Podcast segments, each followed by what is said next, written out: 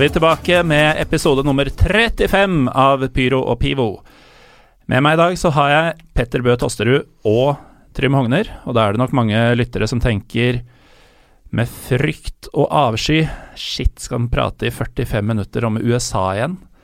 Men nei da, denne gangen skal fokus kun være på Europa, eller litt grann Asia også, teknisk sett. Men dagens tema er Europaliga og de lagene og oppgjørene som er mest spesielle, ifølge oss. Uh, sist vi hadde om Europaligaen her, så hadde jeg med meg to skeptikere, og det er ikke ideelt. Men i dag så skal vi fråtse i meningsløs trivia. Trym, jeg kan ta deg først. Nå trodde jeg at uh, du hadde prøvd å jekke en øl bak uh, skjermen jeg- min, og da holdt hun vekk fra mikrofonen, og det vil vi ikke ha nå. Men nå ser jeg at det var ikke det du gjorde, så da er du unnskyldt. Da er unnskyldt. Takk for det. Um, var det hyggelig bryllup i Kosovo i sommer? Det var veldig hyggelig, faktisk. Ehm, det var ikke så veldig mye sommerferie jeg hadde, men en, en liten runde dit, og det var, ehm, det var en fin tur. Eh, dessverre ikke noe fotball på den tiden av året. Så, eh, eh, men bryllupet i Kosovo er annerledes, altså. Det var øh, Det er mye øh, alkohol og skyting om hverandre. Og mye, mye, mye som er litt annerledes. Så eh, det var en seanse hvor man ansatte fyr på dansegulvet. Og jeg jobber jo med sikkerhet. Bokstavelig talt? ja. Innendørs, og det var ikke altså, Det var veldig, veldig spesielt. Man, man, man lagde et hjerte eh, på noen meters radius inne på dansegulvet, og så satte man fyr på det med tennvæske. Ja, og årsaken til at dette ble gjort, var Nei, det vet jeg jo ikke. Det, det er jo ikke så mye jeg etter hvert fikk med meg, fordi eh, min, alle, mine albanske ferdigheter er, de er ganske begrensa, og i tillegg så var en del eh, eh, godt i glasset. Um, det neste jeg husker, var en seanse i ett-to-tiden om natten der man skulle samles, alle mennene skulle samles i ring eh, og sitte og synge antiserbiske sanger en liten halvtime. Og det sitter jo langt inne for meg, så, så det var um, Ja, for du har jo faktisk eh, opptil flere favorittlag i årets Europaliga, men et av dem er jo eh, laget hvis eh, shotglass du har tatt med deg inn i studio. Ja, det stemmer. Jeg er glad i Partisan, det er jeg. Og um, ja, jeg tok med meg en gave til Petter, faktisk. Siden uh, For du, du er litt sånn keen på Petter, nesten. ja, på Nei, jeg, jeg, jeg vil jo ikke si det, men, men du påstår jo det. Uh, og så tenkte jeg jeg skulle bygge litt oppunder, og da har jeg tatt med en gave til hver av dere. Og det er jo uh, et sett med Partisan shotteglass til deg, uh, Petter. Vær så god. Det setter jeg veldig pris på. Takk skal du ha. De var veldig stilige òg, så får vi se om innholdet som vi snart skal få oppi der etter hvert, blir like stilig å innta. Ja, for det er nemlig gaven til deg, Morten. Eh, det er eh, svigersøster som har vært hjemme i Romania i sommer og tatt med seg en eh, flaske hjemmelaget palinka. Åh, Som jeg tenkte at vi den, den er fin å ta i studio i dag. den, eh, den blir fin. Og Ja. det tror jeg vi trenger også når vi skal gå litt sånn mer dypt inn i Skenderbeu og Sheriff Tiraspol og Den passer godt til anledningen. Når vi rett og slett må begynne å finne på uh, fakta, Ja. Da, da trenger vi noe sterkt i blodet. ja. Og jeg vet ikke, jeg antar at den er veldig sterk, men jeg vet ikke om det er pære eller aprikos. Det, Det er ikke sikkert vi finner ut av å smake. Nei, det er, ikke, det er ikke sikkert. Uh, Petter Bø Tosterud, eh, Eurosport, uh, eller Discovery-kommentator. Ja. aktiv på TV-en, bl.a. gjennom Eurosport. Mm. Hvor mye savner du Bundesligaen? Jeg savner det ganske mye, det må jeg innrømme. Det har jo blitt sånn at når man har jobbet med det såpass i fem år og fulgt egentlig så mange kamper hver eneste sesong at man eh, Når man ikke får sett det på, på, på den samme måten som tidligere, og du får liksom tysk mesterskap i pop-up hver helg, eh, for jeg følger jo fremdeles med, så er det litt, eh, er det litt tungt. Men eh, det viktigste er uansett at det kommer på norsk TV på en eller annen måte. Så får vi se om det løser seg etter hvert, uten at jeg vet noe som helst om hvordan forhandlinger eller eventuelle ikke-forhandlinger foregår. Hvis dere syns det var stille et øyeblikk der, så måtte jeg følge nøye med på om Petter blunka til meg eller ikke han sa han ikke visste. Det gjorde han dessverre ikke. Uh, skal vi bare gyve løs på gruppe A, kanskje? Ja, Mens Vi må sette i gang med den palinkaen. Ja, men den er jo på deres side av bordet, så her må Petter først uh, pakke Da- ja. ut glassa sine. Det blir jo en ganske god gave da, når uh, Petter må ta med seg skitne shotglass hjem. Jo, det, det Eh, Det, det blir sterilt etter å ha drukket det der. ja, det er sant. kanskje til og med fulle shotglass igjen, tenker jeg. Og en, en liten lukt. Jeg tror det er plomme. Jeg også antar det. Det lukta veldig slivovits. Ja. Uh, men i gruppe A Ja. Lagene er eh, Astana, Villarreal, Makabi Tel Aviv og Slavia Praha. er vel kanskje ikke selv for oss eh, den mest interessante gruppa. Det, Villarreal er jo det største laget og åpenbar favoritt her, uh, til Petter Wælands store glede. Men eh, det som slår meg først og fremst, er jo at du har et oppgjør mellom et israelsk lag og et lag fra Praha. Mm. Eh, Makabi mot eh, Slavia.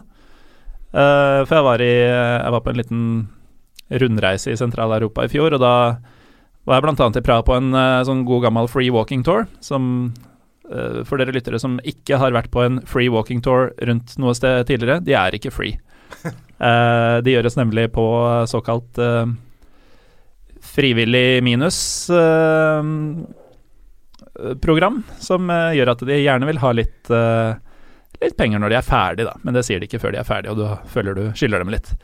Men eh, der ble det i hvert fall fastslått at eh, Eller det ble sagt at eh, synagogen i Praha, hovedsynagogen i Praha, eh, den var eh, den eh, synagogen i Europa som Hitler ville la stå, altså som han bestemte at ikke skulle rives ned da de tok, eh, tok en by. Eh, og årsaken var ganske morbid. Han eh, skulle gjøre den om til et museum for en utdødd rase. Ok. Det er ganske ekkelt, altså. Det er hardt. Liksom, da han begynte å prate, så syntes jeg det var litt hyggelig. At Mm. eh, ja, denne skulle faktisk Hitler la stå, og tenkte han syntes den var fin, eller noe sånt. Nei. den skulle brukes som museum. Og Man kan jo bare tenke deg hvis han hadde fått til planen da, om at alle jøder skulle vært utrydda, og de hadde vunnet krigen og diktert historien, hva de faktisk hadde sagt på det museet. Altså sånn genetiske Ja, nei.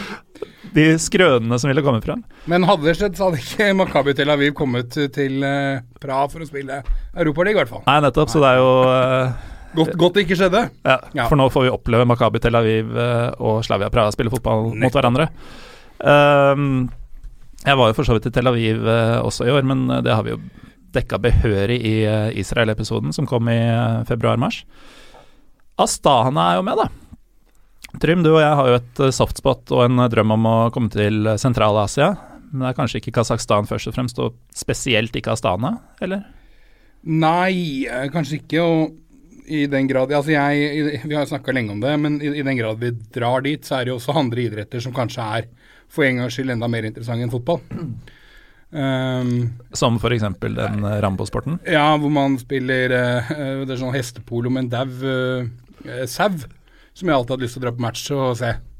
Ja, da den daue sauen er ballen, Ja. i anførselstegn. ja. Ja. Så, Spilles gjerne til hest i bakke, ja, hvis jeg ikke har uh, ja, ikke, ikke på flatmark.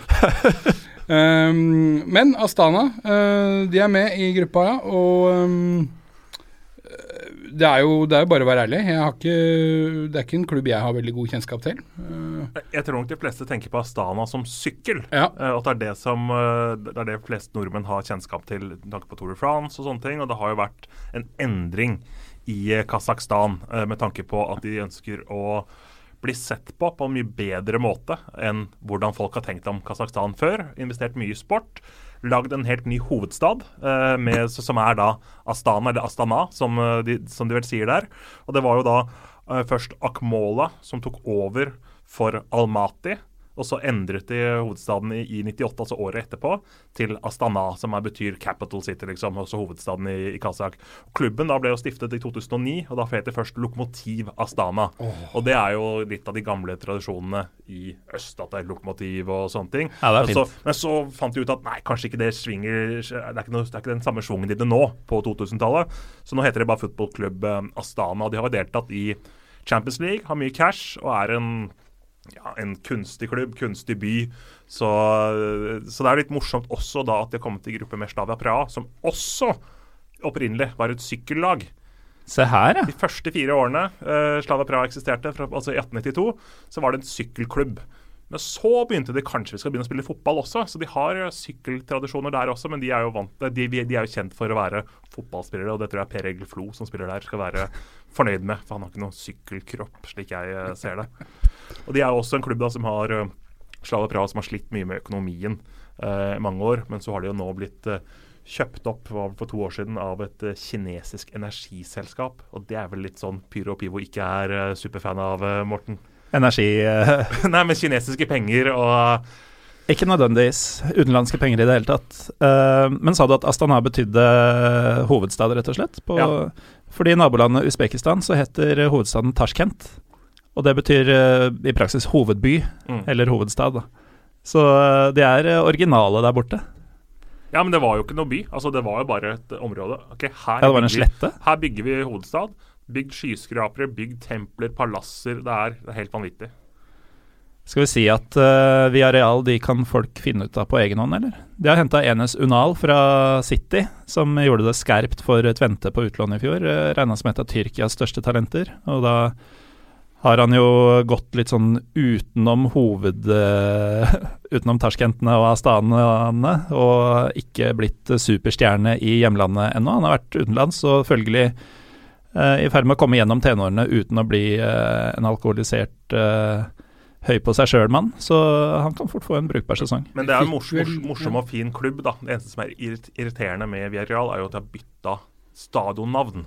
Mm. Det gjør litt vondt. Fra El Madrigal, som alle husker, som er et flott navn, til, eh, El, nei, til Estadio de la eh, Ceramica, som er liksom en eh, det, handler jo om uh, keramikktradisjoner sånn, i, i byen eller rundt området der, så vidt jeg har forstått. Så det syns jeg er en grusom endring. Det er Ja. trist. Men det er jo en klubb som hadde Rick Helm en gang i tiden, og da må man jo da må man være litt glad i dem. Men de har vel også fått uh, Carlos Bacca, Det stemmer. Så det, det, de bør vel ha en tropp som kan uh, de, de er en solklar favoritt naturligvis i den gruppa. De bør Eh, kunne matche både Slavia og Astana, selv om Per Egil. Flo Ja, selv med Ja, ja, ja. Og så kan jeg også nevne da, en morsom ting med Makabi Tel Aviv. uh, som for øvrig har Kjartansson, som var i Vålerenga og ble toppskårer der. Uh, de har gått litt egne veier inn mot denne sesongen her. Uh, de hadde en utstyrsavtale med Adidas, men etter sesongen nå så bestemte de nei, vi dropper det. Vi, vi, vi lager ting selv, vi. Så inn mot årets sesong så har de kutta eh, altså utstyrsleverandør og lager sine egne drakter. Og de er superkule, eh, de nye Makabi Tel Aviv-draktene. Så, så kanskje er de en slags pionerklubb, da. Altså sånn nå i den moderne tid, som, eh, som lager ting selv. Så det bør folk sjekke ut. Ja. Litt sånn punk football, uh, do it yourself-opplegg. Ja. Men- Eh, det var for øvrig en grunn til at eh, da vi var i Tel Aviv, så ble vi hengende en del med Ultras Hapoel, eh, som da er selvfølgelig en av hovedfiendene til Makabi Tel Aviv. Eh, og noe av det vi bånda over, det var jo nettopp det at uh, Vidarand Kjartansson, altså vi var tre Lillestrøm-fans, han hadde jo revet i filler begge klubba våre. Mm. Så da, var vi, eh, da kunne vi drikke sammen. Men, så, men sånn apropos at disse andre klubbene i gruppa der er sykkelklubber, så er vel egentlig også Makabi Tel Aviv en basketballklubb? Er det ikke? I hvert fall ifølge deg. Ja, men ja. ja. Jeg tror det, jeg tror det er nesten sant. Ja. Ja, men det er vel nok uh, veldig mange som tenker på det som fotball òg. Det er jo den mestvinnende israelske fotballklubben i Ja. historien. Ja. Så det, det står jo sterkt uh, sånn sett også. Videre til gruppe B. Der uh, har vi jo uh, Trym, vi prøvde å komme oss på Dynamo Kiev-match, vi. For eh, tre og et halvt år siden. ja. For tre og et halvt år siden Dynamo var- Kiev mot Shakhtar Donetsk. For tre og et halvt år siden så var det ikke bare bare å få dratt på kamp i Kiev. Nei, vi, vi, vi fikk jo match, men det var vanskelig. Det var tøff, tøff, tøffe tider i Kiev da. Um, så den, eh, den eh, utgikk jo, um, i hvert fall i sitt originale format, og ble erstatta av to supporterklubber som spilte en kamp på samme stadion mot hverandre istedenfor. Men det har jo vært vanskelig å komme seg på kamp der, selv når de har hjemmekamper. Fordi eh, spesielt i kampene i Uefa-regi, da, så har de jo måttet spille på tomme tribuner. For det har jo vært så vanvittig mye rasisme og fæle episoder. Så det er jo egentlig en, eh, en klubb i hvert fall ikke jeg ønsker spesielt eh, velkommen, med tanke på at de ikke lærer da, og ikke tar, eh, tar det til seg. Det er en klubb som har vært med i Europacup hvert eneste år til 1973. Stått over to ganger. Og likevel så får vi de samme episodene år etter år etter år.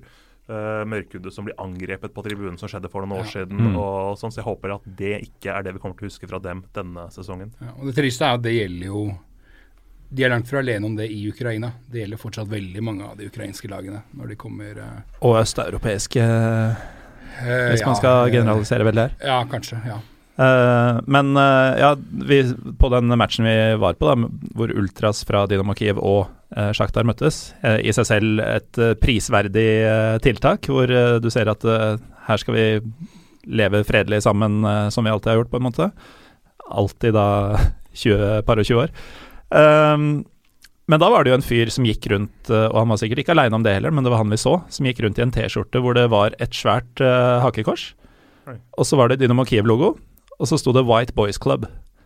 Og han gikk rundt og var litt sånn Mr. Popular, gikk og hilste på folk, og det var god stemning rundt den, og det var liksom ingen som stussa på det i det hele tatt. Så det er sånn Han hadde helt sikkert dratt på det museet du nevnte skulle vært bygget i Bra.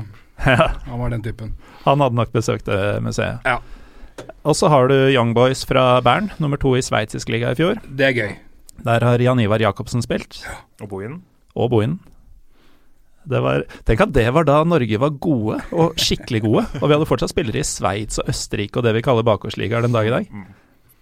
Ja, og det var spillere vi ikke fikk med oss at var der engang. Vi hadde så mange Premier League og andre store klubber. Mens nå er vi jo helt i fistel om vi får en eh, i østerriksk liga eller noe sånt. Men da må vi utflyttere i Sveits fra bl.a. Albania. eh, og det bringer oss jo over på det som eh, gjør at vi får vann i munnen, i hvert fall, Trym, i denne gruppa. Partisan Beograd skal møte Skenderbeu fra Albania.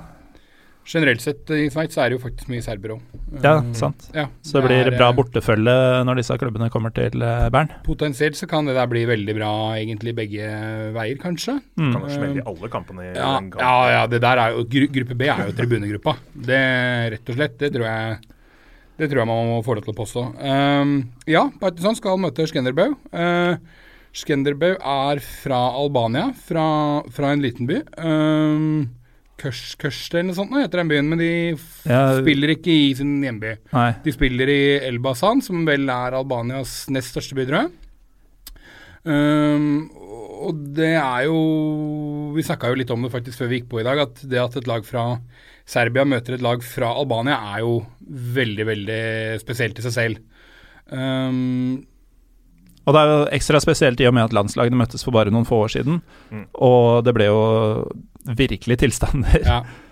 Um, ja, de, de møttes jo i kvaliken til um, 2016. Uh, uh, først da i, i, uh, i Beograd. Um, og den matchen ble jo uh, avblåst etter at det ble en del uh, tumulter der sånn. Da var det avtalt på forhånd uh, mellom de to forbundene til landet at bortesupportere ikke skulle få lov til å komme på de to kampene. I hvert fall ikke, ikke synlig med, med, type albanske eller serbiske effekter. Da. Men det var en, en, en, delegasjon fra Albania som var der på VIP-arenaen. Og tilsynelatende så var det da en av disse her sånn som hadde med seg et sånn Hva er det heter for noe, disse her helikoptrene Drone. Ja, dronehelikopter.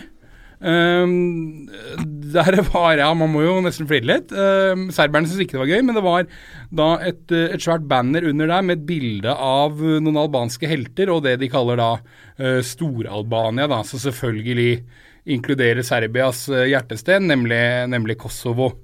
Um, det skal sies uh, til, til albanernes forsvar at stemningen stemninga hadde vært ganske dårlig fram til da. Det var uh, de serbe, serbiske tilskuerne på tribunen ropte 'drep, drep, drep albanerne' osv.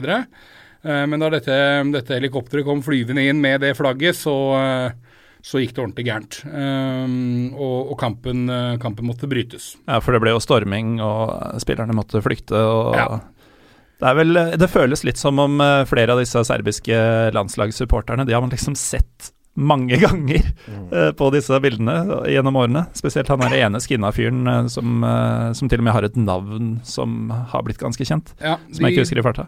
De dukker opp. Men det er, jo, det er jo litt sånn interessant, ikke sant. Fordi at det er jo Vi snakka om at Russland og Ukraina nå innafor Uefa kan ikke møte hverandre. Mm. Og da gjelder vel det både landslag og klubblag. Ja, Ikke sant? Og samme er det med Armenia og Aserbajdsjan, som ikke kan møte hverandre. Eh, det er jo enkelte som har lurt på hvorfor er ikke tilfellet det samme med, med, med Serbia og Albania. Eh, og grunnen er litt bl.a. at de to på en måte direkte ikke har vært i noe, eh, noe krig med hverandre, eller er i en offisiell konflikt. Eh, bortsett fra at de er uenige om hvem, altså om Kosovo skal være selvstendig, eller om det skal være det ene eller det andre. For Det er jo Eh, det Uefa måtte ta hensyn til. da. Ja. Altså, de må jo ha, legge en list. ok, Væpnet konflikt, Ukraina, Russland og dårlig stemning der. ja. Mens her er det Så, så, her, så her blir det mer på et forbundsnivå, hvor forbundene sjøl kan komme inn og, og, og bli enige om noen, noen, reguleringer. Det som er interessant med Europaligaen og Serbia og Albania i år, er jo det at dette er vel, eh, så vidt jeg vet, også første året at uh, lag fra den uh, uh, eliteserien i Kosovo faktisk også var med i kvaliken til Europaligaen. Så var det holdt på å si, heldigvis ingen derfra som kvalifiserte seg, men, men tanken på at et serbisk lag, samme hvilket, skulle dratt til Kosovo og spilt kamp, det ville, vært, det, det ville vært en umulighet. Så Albania-Serbia, det kan du få til hvis det ikke er bortesupportere. Men eh, den dagen et lag fra Kosovo måtte kvalifisere seg, da, da vil denne problemstillingen definitivt eh, dukke opp på nytt. Uh, når det er sagt, så er det jo en uh, bitte lite poeng til også opp, oppi dette her med at bortesupportere ikke kan dra på match. Og det er det at det bor nesten 100 000 etniske serber i Albania og tilsvarende omtrent de samme albanere i, i, uh, i, i eller, ja, i Serbia, altså. I, hvert av landene. Mm. Uh, så det er ikke utenkelig at noen kan prøve å komme seg på, på disse matchene likevel, men, men dessverre så får man ikke en god borteklekk. Det gjør man nok ikke. Nei, og det vil vel uansett ikke kunne være mange nok som kommer seg inn på et samla sted til at de tør å gjøre noe særlig ut av seg. Så da er det dronehelikopter som gjelder i år? Da er det droner. Ja. Men uh, vi har jo sysla litt med tanken på å dra på oppgjøret i uh, Albania, vi. Ja, vi har vel sett, uh, sett ut den litt. Det er bare ble enige om. Den spilles tredje uka i oktober eller noe sånt nå. Ja, 19. oktober. Ja. det var litt dyrt å fly. Ja, det går forbausende få uh, direktefly mellom Oslo og Elbasan, dessverre. Så uh, det blir i så fall noe mellomland. Er det en oppfordring nå? Ja, ja, det, ja. Kanskje, kanskje Kjos kan uh, tenke litt på det. Um, ble, vel, ble, vel, lagt ned grunnen fjoråret, da, for at Skanderbau eller hva åssen uttales, de ble jo utestengt fra Europaligaen i fjor grunnet kampfiksingsanklager. Ja. De, de, ble jo ikke tatt for noe, sånn egentlig, men anklagene og de, de sporingene en fant i oddsmarkedet, ja. var såpass tydelig at Uefa likevel satte foten ned. For de debuterte jo da i Europaligaen som første albanske lag i 2015. Ja. Det er interessant. Var det da Uefa som bestemte det? Uefa ja. satte foten ned. For det er jo noen lag som ikke har fått vært med fra noen uh, lignende land i år, som, hvor, hvor, de lokale forbundene har nekta dem deltakelse. Mm. Um, men det er klart at når det er på et Uefa-nivå, så, så, må man jo tro at det er, det reelt. Når det er sagt, så er det vel, det er vel kanskje uh, Sam Østersund, eh, som vi sikkert skal prate om etterpå, så er vel dette et av de lagene som lendes minst sjanse til å egentlig eh, utrette noe særlig på dette nivået. Uh, siden vi nå er inne på både Stor-Albania og skal vi si Stor-Jugoslavia, så er vel tiden inne for å smake på denne vederstyggeligheten Trym drommer seg i studio? det blir bare en smak. Nei, det, det, det, man, må ikke, eh, man, må ikke, shotte den, det må man nei. ikke, men man må drikke opp hele. Ja. ja. ja. Uh, Smake litt først, ja. Er, selv om det er i shotglass akkurat nå, så er det jo en nipper. Ja, det er en, uh, denne, denne Men glasset skal tømmes uh, før vi er ferdige, Petter. Ja, vi har jo, vi har jo med oss enda mer òg. Uh, og så sier man Ja, siden denne er rumensk, da skal man si Norok. Norok. Norok. Kling.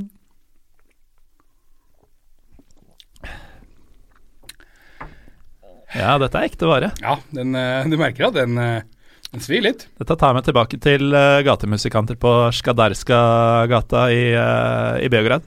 Eh, det, smak, det smakte bare sterkt, på en måte. Det var, det sånn, det, var det noe sånn Ja. Nei, vi, vi, vi, vi, tror vel at det er plomme. Ja, det er nok plomme.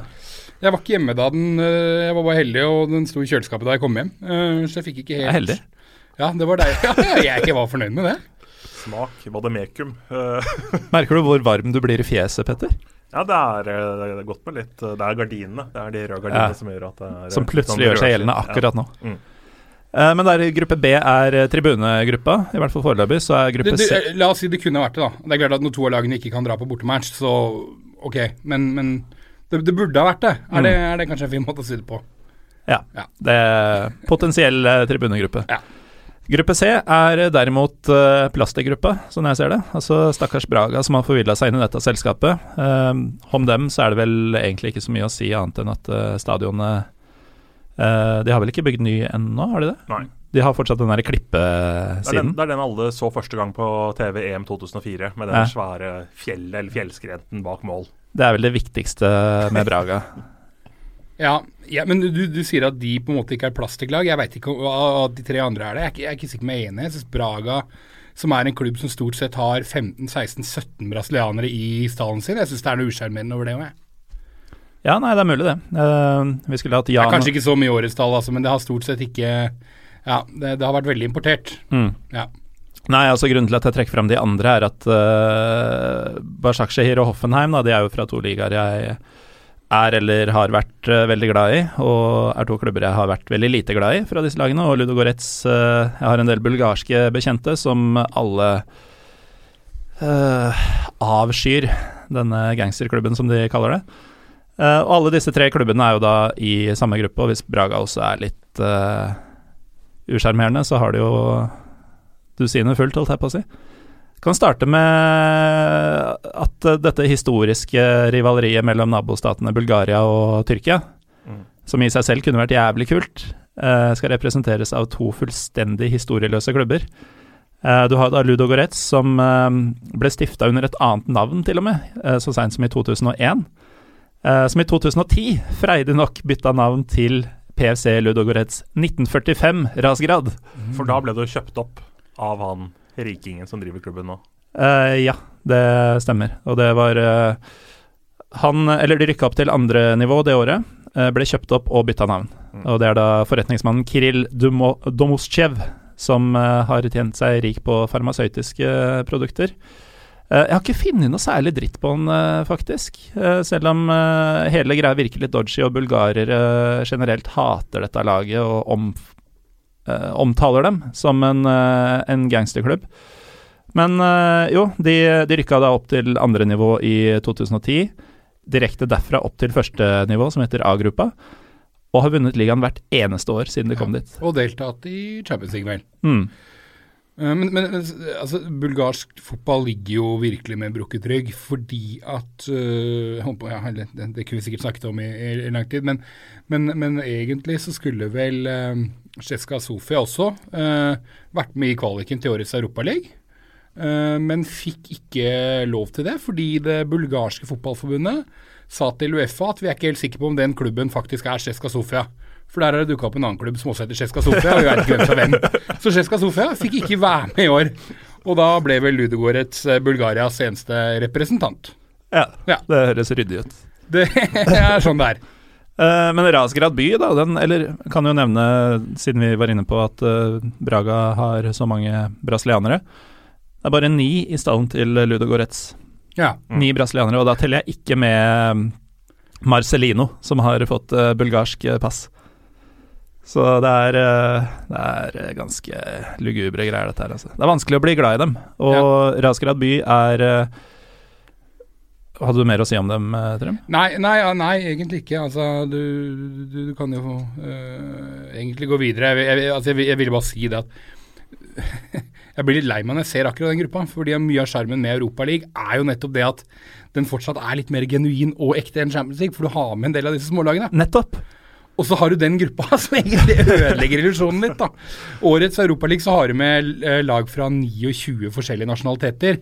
Ikke sant. Det er den uh, Det er faktisk den uh, ligaen hvor det er, eller, eller turneringa hvor det er mulig at, at selv de små på en måte eventyrlandene Rosenborg og ja, ikke sant. Lag fra San Marino kan kvalifisere seg. Gibraltar, Norge, Andorra. Altså den type Det er deilig å høre at de er samme bukett som ja, jo, eh, men ikke sant? Ja. Faktisk ha muligheten til å være med på dette her, da. Og da er det litt kjedelig med gruppe C, som egentlig er en sånn ordentlig eh, som du sier, det er plast, plastikkgruppe. Og så er det noe med jeg må bare, Nå, nå, nå, nå, nå, nå, nå ranter jeg egentlig bare. Men, men når du kommer fra en by som heter Rasgrad, som er et av de hardeste bynavnene jeg tror jeg har hørt, og så velger du å kalle klubben Ludo Goretz. altså, Nei, det, det er noe, det er noe feil over. Ludogorets-navnet kommer fra området rundt, eh, og eh, det kommer vel av Ludogorie, tror jeg, som eh, betyr eh, vill skog. Så det er villskog eh, Rasgrad. Ja. Men eh, ja, Ra Rasgrad eh, er liksom en by Det er bare 33 000 innbyggere der, eh, forresten. Eh, men det det er jo en by som høres jævlig hard ut, og man skulle ønske at det var noe kult som kom derfra. I hvert fall når det er et lag som du ser i Europa hele tida. Men så er det, bare, er det bare dritt. Og det er jo en større by enn Hoffenheim, da, Petter. Men uh, Ja, Hoffenheim da, som skal prøve seg litt uh, i Europa, de også. Så Hoffenheim de har jo tilknytning både til Hoffenheim og Sinsheim. Da. Det er jo et veldig veldig lite sted, og det er jo, som det er nevnt her, en, en litt kunstig klubb som Dietmar Hopp eh, bygget opp for å gi noe tilbake til uh, det stedet han vokste opp i. Så Sånn sett syns jeg egentlig OK, jeg er helt enig, det er jo en plastikklubb og alt det der, men som jeg har sagt tidligere også, det er en litt mer uh, spiselig variant, etter min mening. da. At han har brukt tid siden 2008, brukt disse IT-pengene han har tjent opp, og uh, har ikke de tradisjonene som tyske klubber generelt sett har, men OK, det, det her vil vi få mer av fremover. Jeg syns det er ja, rett og slett mer spiselig enn andre utenlandske varianter. Jeg er helt enig i det. Og, og hvis man skal på en måte virkelig gå i, i dybden på dette her også, de aller fleste tyske klubbene, altså de som er 100 år gamle også, de var jo også stifta av firmaer. Ja, ja. Så det er jo egentlig ikke noe, det er ikke noe nytt å ha den backinga. Det er bare at vi har blitt veldig bevisste på det, vi som er litt sånn uh, fotballhipstere de siste årene, dette liker vi ikke. Mm. Men alle de tyske klubbene nesten er jo stifta på den måten. Og, og, halvparten av de har vært finansiert av ett bilselskap i alle år òg. Så jeg klarer ikke helt å ha noe mot Hoffenheim, altså. Det, det, det, får jeg ikke til. Ja, Så er det litt formildende kanskje at nå, nå, har vi blitt vant til Hoffenheim. Nå har ikke de bare kommet fra ingenting, og nå, nå, har de vært her en stund. Og man har blitt vant til dem, og så har det jo kommet noe annet. Eh, større og sterkere, holdt jeg på å si, eh, bak dem eh, over brua. Ja, nå er jo Hoffenheim De hadde jo en slags TIFO eller noe banner mot RB Leipzig, og da jeg husker ikke hva det sto nøyaktig på det, men det var et eller annet sånn at uh, vi savner å være hatlag nummer én i Tyskland. Og, og, og Ødelegger imaget vårt. ja. ja, så De var veldig irriterte, siden at det var noen som ble hatet mer enn dem selv. Men uh, altså, det er jo faktisk, når man ser kamper fra holdt på å si Hoffenheim, men Hoffenheims hjemmekamper, mm. uh, som ikke spilles i Hoffenheim, som er en landsby med 3000 innbyggere eller noe sånt nå, mm. Uh, så er det jo faktisk et visst trøkk og sånt. noe. det er jo som altså Vet du ikke hva dette er, så tenker du at det bare er en annen uh, tysk klubb. Og ja, som nå har en veldig sjarmerende manager og måte å spille fotball på. Ja, de bygger jo på en måte sin tradisjon og sin kultur nå, da. Uh, og det må de jo få lov til. Og det er som du sier, det er, det er OK stemning. Det er ikke det samme som de tradisjonsrike, store tyske klubbene. Men de kommer fra et bitte lite sted òg. Det er jo litt, uh, litt likheter egentlig med Villarreal, mm. som også er et veldig lite sted, som har klart å mm, bygge mm. noe veldig bra og interessant. Ja. Eller Lillestrøm, da om du vil. Ja. ja. Så har du uh, Bashak Shehir, da. Altså, den uh, ivrige lytter har fått med seg at jeg har en uh, sterk forkjærlighet for uh, Fenerbahçe. Og da er det jo nærliggende å tro at det jeg syns er det verste i Istanbul, er uh, Besjiktas og Galatasaray, men det er faktisk ikke det. Og det er heller ikke Kasım Pasha. Det er Bashakshehir. Det er en klubb jeg unner alt vondt. Uh, og det er ikke fordi De har ikke gjort noe galt, egentlig, men uh, de har ikke noe grunnlag for å eksistere. De, uh, de ble stifta sommeren 2014. Altså, tygg litt på den. De er tre år og to måneder gamle. og ble da bygget på restene av den kommunale klubben Istanbul Buyukshehir Belediyespor.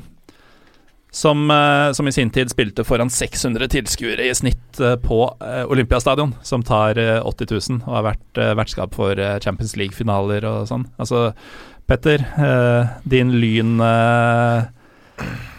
Din lyntilknytning, mm. den blir jo massiv, holdt jeg på å si. Eller disse 20 000 tomme setene er jo ingenting sammenligna.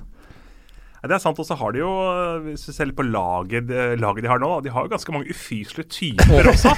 så, til de. Så, så, der har de faktisk funnet sin nisje. Da. Altså, de har Adabayor, de har eh, Elia, de har Gøkan Indler, som også har vært litt kontroversiell. De har Klisjé. Uh, så det er litt av en gjeng de har raska sammen der. Altså. Du, du, kunne nesten slutta å nevne navn etter Adebayor, egentlig. For ja. der er jo på en måte i mål. Det, det, i seg selv er jo grunn, grunn nok for å ha hatt et hvilket som helst lag. Og så er det, det, er, det er noe usjarmerende over det. Jeg følger ikke tyrkisk eh, fotball så veldig, men det er, de desidert, det er det desidert eldste laget i årets uh, Europaliga, sånn i snittalderen på troppen der.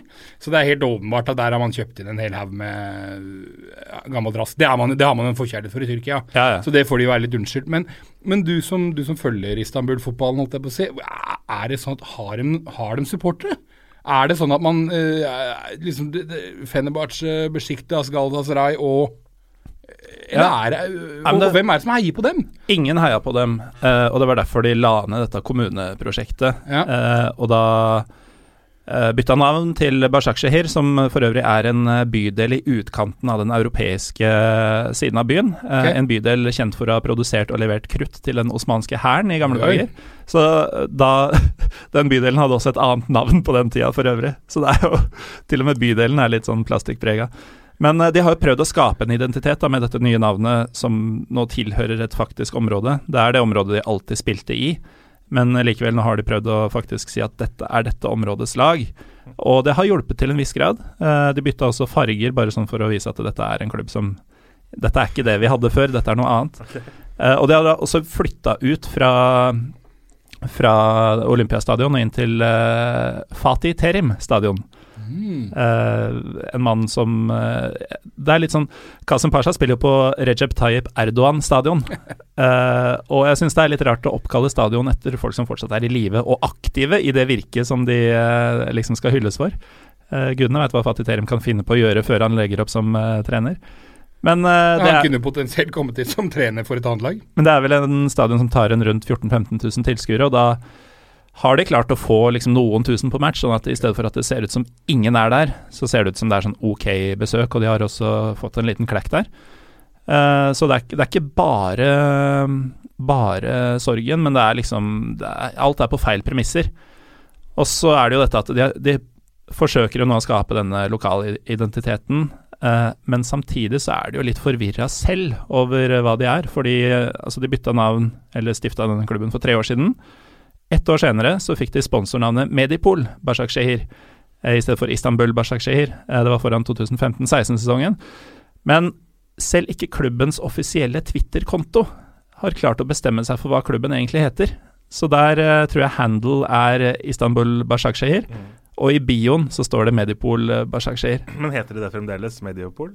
Egentlig, ja. Ja. Men eh, det er uh, Det får du ikke brukt i Europaligaen uansett, da. Så det, det, da, da kan vi legge den død sånn sett. det er sant, men de bruker det ikke så ofte hjemme heller. Men en navnforvirring er en gjenganger i årets Europaliga. Ja, Ja. flere. Ja, vi kommer jo til det, egentlig. Ja. Blant annet eh, Ja. Ja, vi kan jo gå videre fra Dette tror jeg blir en lang episode, for vi er en fjerdedel gjennom eh, gruppene. ja, men dette er, dette er spennende greier. Vet du. Dette er faktisk gøy. Ja. Uh, gruppe D. Mm. AEK Aten, Austria Wien, Milan og Rijeka. Er det noe som uh, får det til å kile? Nei, jeg tenker jo at dette må jo være din klubb, da, AEK Aten. Uh, siden ditt Fenerbahçe har jo røket ut, kom seg ikke hele veien. Mens uh, Fenerbahçe uh, i april 2013, da slet jo AEK Aten voldsomt med økonomi. Det har vært bråk med mm, ja, de fleste i klubben og sånne ting. Og da tok Fenerbahçe-fansen og hang opp, løfta banner på kamp med teksten Nå skal jeg lese gresk. Det betyr det der var ikke gresk. det betyr Aik, hold dere fast. Så Det er en klubb da som har funnet til eh, tilknytning, Fenerbahçe og AIK Aten. Så vær så god, Morten. Her er din klubb å følge deg i Europaligaen 2017-2018. Jo, takk for det, og du er faktisk eh, Du skraper en overflate her eh, som, eh, som faktisk er mer relevant enn som så, for jeg har jo eh, holdt på å si min egen fanklubb, det er ikke riktig, men jeg har jo en uh, supportergruppe i, uh, i Istanbul som jeg går på Fenerbahçe-kamper med, og som jeg har en del venner i. Og de har jo faktisk også et vennskap med den ene supportergruppa til AIK Aten fra mange år tilbake. Altså til og med før denne hendelsen, tror jeg. AIK spiller jo også i gult og svart, som er formidlende for min del. Og K-en i AIK står jo for Konstantinopel, for de ble stifta i Istanbul, på samme måte som PAOK fra Tessaloniki. Og ikke minst er det en klubb som har hatt Dellas og Rivaldo. To av de feteste spillere uh, fotballverden noensinne har sett. Har Rivaldo spilt der òg? Rivaldo spilte der etter Olympiakos. Oi. Og så dro han videre til Usbekistan, så det gikk oppover for han på slutten. Ja. Jeg var den på CM for mange år siden også. Eh, vant ligaen overlegent. Det er fint for lytteren. Ja, nå begynner du kanskje å skli ut litt her. Ja. Men jeg, jeg, jeg var relativt nær å ta en uh, jobb i Aten for et par år siden også. Ja. Og da var jo det første jeg tenkte var uh, jeg skal ha sesongkort et sted. Og noen vil jo Før tenkt du forhandla lønn og betingelser, så var det det som var ja, jeg skal jo leve et liv der nede. Ja, ja. Men eh, jo, det, det var ikke sånn at eh, man går til Olympiakos, for da får man noen Champions League-kamper på kjøpet og sånt. Nei, skulle på AIK. Det var ikke Ja. noe å tenke på engang. Ja. Uh, uten at jeg egentlig har satt meg veldig mye inn i det, i motsetning til hva det kanskje høres ut som på de skarve minuttene vi nå har brukt på AIK. Ja, og så er, det er jo litt gøy, for det er jo en tradisjonsrik klubb. Mm. Og de har virkelig ligget nede i en lang periode. Um, og nå Panathinaikos var vel også i kvaliken i år, men, men klarte det ikke. Uh, så, så de er jo uh, Det er jo sånn sett eh, tilbake i det gode selskap og, og den eneste byen i, i uh, eller Den eneste, eneste storlaget fra, fra Hellas som er med i Europaligaen. Mm. Mm, For PAOK også røyker jo, som Ja, det skal vi også velkommen tilbake til. tilbake til, ja. Mm. Eh, Austria-Wien hadde en kald 0-0-opplevelse der i fjor, på denne tidligere nevnte sentral-europaturneen. 0-0 mellom Austria og Wolfsberger, tror jeg det var. Mm. Eh, litt sånn guffen vind, 6000 tilskuere ca., og ingen stemning. Den eh, ble det ikke noe reisebrev om, eh, for å si det sånn. AC Milan, litt sånn uh, i Villarreal-båten at det har vel lytterne mange andre muligheter til å gå Ja, men det blir jo Det skal jo skytes kjapt inn. Det blir gøy å se dem i år, for nå er det jo Mm. ting på gang igjen i, i, i Milano. Og det, det, det er artig. Så at de Det kan vi kan vel fort nevne at i hvert fall fram til vi vet hvem som kommer inn fra Champions League, så er vel dette kanskje en av favorittene til å kunne gå hele veien i år. Ja, det blir et kult lag. Det er et lag jeg har lyst til å se. Ja, det, jeg gleder meg også veldig til å, til å se dem. Og det er jo litt, eh, selv om det på en måte, i hvert fall ifølge meg, er litt på feil grunnlag at de nå er tilbake som et lag å regne med, så er det jo akkurat det som har vært ankepunktet mot Italia i flere år nå, at eh, spesielt Milano-klubbene, Mm. men da egentlig eh, alle av disse sju utenom Juventus, som tidligere var å regne med, Mm. har vært eh, mer eller mindre nede, og nå er de på vei tilbake, flere av dem, blant Ja. Milan. Mm. Og det gjør at eh, jeg i hvert fall kommer til å se mye mer Serie A enn jeg har gjort eh, i de siste årene. Vi har jo faktisk lovt hverandre at Ja. vi skal se mer Serie A i år. På tro og ære. Ja. Uh, ja, og det står vi for selv med litt uh, Palinka innabords. Det er mye jeg står for når jeg har fått i meg Palinka.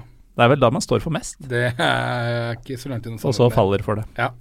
Og så er Reka som er siste vel i gruppa der. Ja, og dette er jo interessant, for de eh, klarte jo å bryte dynastiet, kan du si, etter Dinamo Zagreb, som vel vant elleve ligagull på rad, før Rijeka plutselig leda egentlig fra begynnelse til slutt uh, forrige sesong. Er det, hva, hva er dette slags eh, folk? For, for min del så er det en klubb egentlig jeg ikke vet så fryktelig mye om, men som jeg gleder meg til å bli litt bedre kjent med. Det eneste jeg husker om Rijeka, var at de, de også har vært en del involvert i kampfiksingsanklager eh, tidligere, men det er på en måte noe som står i stiftelsesdokumentene til en del klubber der borte. Altså, sånn, så, sånn er det, liksom. Men, eh, men det er en klubb som jeg eh, faktisk er litt tynt på. Mm. De vant jo ligaen i Jugoslavia faktisk seks ganger mellom eh, 1952 og 74.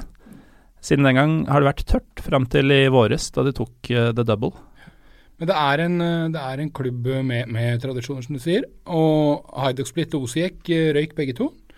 Um, liten oppfordring til lytterne kan være å google stadionet deres, som jeg ikke engang husker hva heter. Men Rijeka det er en helt nydelig arena. Liten og ligger fantastisk fint til i, i Kroatia. Så Ja, Rijeka hjemme mot AC Milan, det blir, det blir pene greier. For det er jo Adriaterkysten, mm. og uh, Kroatia er jo et fantastisk land å dra til. Jeg vet at du er eh, serbofil, eh, Trym, men, ja, ja, ja, ja, men det er det. se, selv du må jo innrømme at uh, det er jo mye av samme Mye det samme Og nei, det er helt forskjellig. i disse landene. Det, ja, det mm, Ja. Jeg har blitt litt mildere i sommer etter å ha vært tilbrakt en sommer i, i albansk kultur og albansk bryllup. Jeg har det. Så jeg er fortsatt serbofil, men, men, eh, men kanskje med et større hjerte for andre. Cantrida heter forresten eh, stadion. Ja, riktig. Vi har internett i studio. det- Da er det for lytterne å google. Men da de vant, eh, da de vant ligaen nå Ja. ja, Forresten, Rijeka er jo Det er jo en havneby. Det er den største havnebyen i Kroatia. Og kuriøst nok så fungerer den også som havneby for Østerrike og Ungarn, Mm. som, eh, som er da landlagt, uten at jeg kommer på det gode norske ordet for det. Eh, så ting som kommer til sjøs til disse landene, kommer hovedsakelig gjennom eh, Rijeka. Sikkert en god inntektskilde for eh, byen. Ja. Men da de vant nå Så det betyr at Austria kan egentlig nesten dra litt med båt, bortsett fra at de er landlocked, de også. Ja, men de kan kanskje haike med noen lastebiler som, som frakter gods fra havna i Rijeka til Wien. Tips. Mm. Eh, sammen med diverse cevapcici, eh, frysevarer og sånt, noe som jo også skal til uh, Til utpå Var det god palinka, Trym? Ja, men det var det jo, men, men Palinka er jo aldri Godt god lenge. som i godt. Nei. Altså, ja. Jeg ser at Petter også koser seg. Ja, har du fått påfyll, Petter? Jeg har tatt også ganger av påfyllene. Er det sant, Trym? Nei, det er ikke, det er ikke sant. Han, eh, Nei, du får opp i ringa. Eh, jo, men da de vant uh, ligaen nå i våres, så var det 15 år siden uh, et annet lag enn de to store, altså Dynamo og Haidok Split, hadde vunnet. Da, det var i 2002, da NK Zagreb vant. Og de to seriemesterskapene, altså NK Zagreb i 2002 og Riekas nå i våres, er de to eneste ligaene som har blitt vunnet av andre lag enn de to store siden Siden- Kroatia ble et eget Selvstendig. lag og eget liga. Uh, for min del så er jo hovedlinken at min kjære uh, Union Berlin-midtbanespiller Damir Kreilach Han eh, gikk eh, Eller han har spilt der Han spilte der fra han var ti år gammel, ca. 10-11 år gammel, til han ble proff. Eh, så han har eh, tilknytning til uh, Rijeka så det holder. Og Petter, Uh, Andrej Kramaric. Det var uh, Rijeka var hans siste stoppested før han ble proff i England. eh, før han gikk eh, derfra til eh, Hoffenheim. Han hadde respektable 42 matcher og 37 skåringer på to sesonger for Rijeka. Videre til gruppe E. Der har vi Lyon, Atalanta, Everton og Apollon Limassol. Først som slår meg, er at uh, de lytterne som ser på uh, høstferieplaner, er at eh, Milano, flyplassen til eh, Ryanair, som du kan fly til fra Torp, det er faktisk eh, Bergamo flyplass. Og Atalanta er ikke fra Atalanta, de er fra Bergamo. Så her kan du få noen fine matcher. Atalanta-Lyon tror jeg f.eks. kan bli en fin match både på banen og tribunen. Men eh, er det noe å si om disse lagene, utenom Apollon, da, som ikke har blitt sagt av folk som er bedre enn oss? Nei, det er kanskje ikke de mest eh, spennende lagene kanskje i mitt, i mitt hode. Selvfølgelig Lyon er jo veldig bra sportslig og et morsomt lag å se på. Men uh, Apollon Limassol er jo litt uh, morsomme, syns jeg, da, for det er jo et lag vi ikke ser så veldig ofte selv. Uh, og de har jo en eh, liten stadion med pluss plass til uh, 13 000, og de har jo et vanvittig trøkk på tribunen sin, så de er jo eh, eh, har en supportgjeng som er kjent for å skape en helt vanvittig atmosfære. Så det kan også være et lite ferietips sånn sett. Ja, det kan det jo være. Jeg ser det er fryktelig mange nasjonaliteter i eh, troppen deres. Jeg ser Argentina, Brasil Men, men slik, slik er det med alle de kypriotiske lagene. Jo da, men det er ikke bare Argentina, Brasil og de du forventer. Eh, når man går nedover her, så er det Det er faktisk eh, Skottland. Det er vel en fyr som dro på sydenferie og aldri kom hjem, tenker jeg. Litt sånn Alexander Søderlund i tidlige dager. Eh, du har en malteser, du har eh, rumener. Um. En belgier også, muligens også en som har forvirra seg dit og ikke hadde råd til returreise. Men, men, men, men, kypriotiske ligaen tror jeg Jeg tror faktisk det er den du, du nevnte tilskuere. Jeg tror det er den ligaen nå som har det høyeste tilskuersnittet um, i hele Europa, sett opp mot innbyggere i landet. Hmm. Sammen med Skottland og vel Norge på en plass bak der, faktisk, utrolig nok. Men uh, det er bra trøkk på tribunen her. Ja. Og selv om Apollon ikke har vært noe lag som har gjort det så stort i Europa de siste årene, så har man jo sett uh, kypriotiske lag bite bra fra seg. Ja, Anorthosis gikk jo nesten videre, husker jeg, fra Champions League, da de møtte Inter bl.a. for en Ja, del år tilbake, ja. riktignok. Så jeg syns det er et uh, poeng at den gruppa er sportslig sterk, gruppe E. Mm. Selv med Apollon. Eh, men det er, det er en sportslig sterk gruppe, og det er en eh, gruppe med mange for eh, folk kjente lag, Ja, pluss og Apollon. Everton har jo på en måte litt sånn den byrden å bære på seg at de på en måte skal være Englands representant i årets liga. For det er jo det eneste laget der som har mulighet til å faktisk bytte fra seg. Mm. Fram til vi vet hvem som kommer fra Champions League. Ja, det er United blant annet som kommer til å ende som nummer tre i sin Ja. uh, antatt enkle gruppe, men de møter bl.a. Basel. Selvfølgelig ikke glemt laget i gruppe òg, men, eh, men jeg tror det er Everton som eventuelt må, må prestere om det skal, skal bli noe der. Uh, Lyon er jo også uh, byen der eh, finalen i årets uh, Europaliga spilles, så potensielt så vil jo de kunne spille en finale på hjemmebane hvis de går hele veien. Det er fint. Og det er en strålende hjemmebane, Ja, forresten. den har blitt fin, vel. jeg har ikke vært der selv, men der, der har de gjort alt riktig, ifølge det jeg har sett av bilder og video og plantegninger og whatnot. Så vel verdt et besøk, og det er jo også regna som eh, Altså, det franske kjøkken er vel av de fleste regna som, om ikke verdens aller beste, så i hvert fall helt oppe der. Og Lyon er mathovedstaden i Frankrike. Så dit kan Pyro og Pivo-lyttere gå for både et godt måltid og en god fotballkamp. Videre til gruppe F. Her skjer det ting. Den er fin. Den er fin. Ja. Vil du begynne, Petter? Ja, jeg vil gjerne begynne med Fastavsliv. Nei, Fastavslin, som det heter. Og De altså kommer fra Tsjekkia. Første gang de er med i Europacup i det hele tatt. Og det er en uh, bitte liten klubb. Altså en stadion som har plass til 6000. Kommer fra en by med 75 000 innbyggere. Og det var slik at uh, for uh, halvannet år siden så holdt de på å gjøre en sensasjonell sesong i tsjekkisk fotball. De ble kalt Slinchester. Fordi at folk mente, mente, at de minnet om Leicester. De lå lavt, kontra, spilte kjipt, kjipt og kynisk, men fikk resultater. Og holdt nesten på å vinne. Men det klarte de ikke. Og de har, har altså et budsjett i klubben på 15 millioner norske kroner. altså Det sier litt da om hva de har fått til, uh, fått til, der i den lille byen. Så det er et uh, lag som jeg har uh, veldig lyst til å ha et ekstra øye på denne sesongen her, med tanke på hvor små de er. At de kommer fra intet og alt det der. For det er jo bare andre sesongen på rad nå i førsteliga i Tsjekkia. Jeg må bare arrestere deg litt på én ting. De har litt europaerfaring fra tidligere. Den begrenser seg imidlertid til to forsøk i Intertoto-cupen okay. i, i, 2004 og 2005. Og det første året der, da kom de helt til tredje runde uh, og røyk på bortemål mot Atletico Madrid. Men, men Intertoto, den får du ikke som tellende Som Lillestrøm-fan så teller jeg Intertoto. okay. Uh, det er jo Lillestrøms største håp, er at Intertoto en dag kommer tilbake. Gjenoppstår, ja. ja. At en åttendeplass kan bety at du får møte Grindavik i ja. en kamp eller noe sånt. Eller Birkirkara fra Malta. Før vi slår oss ut. Mm. Men uh, denne, de, det ble 4-4 sammenlagt uh, mellom Fastavzlin og Atletico Madrid. Atletico gikk videre på bortemål etter å ha vunnet 4-2 i Tsjekkia hvor da Zlin vant bortekampen i Madrid 2-0. Det er jo nesten som å gå videre. Men de har kvalifisert seg via å i år vinne cupen? Ja, det ble nummer seks ja. i ligaen og vant cupen. Okay. Ok, mm, og da, ja.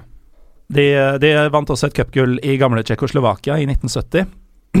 Og de har bytta navn ti ganger, og dette er jo noe som går igjen uh, I årets Europaliga. Ja, og det, det, i seg selv gjør jo det, Klubben uh, som så har eksistert siden 1919, men de har bytta navn ti ganger siden de ble stifta som da, holdt på å si det ellevte navnet i 1919. Uh, eh, sist i 2012, faktisk, så de bare het uh, Fastovslin i fem år. Ja, Slava Praha har også bytta ti ganger.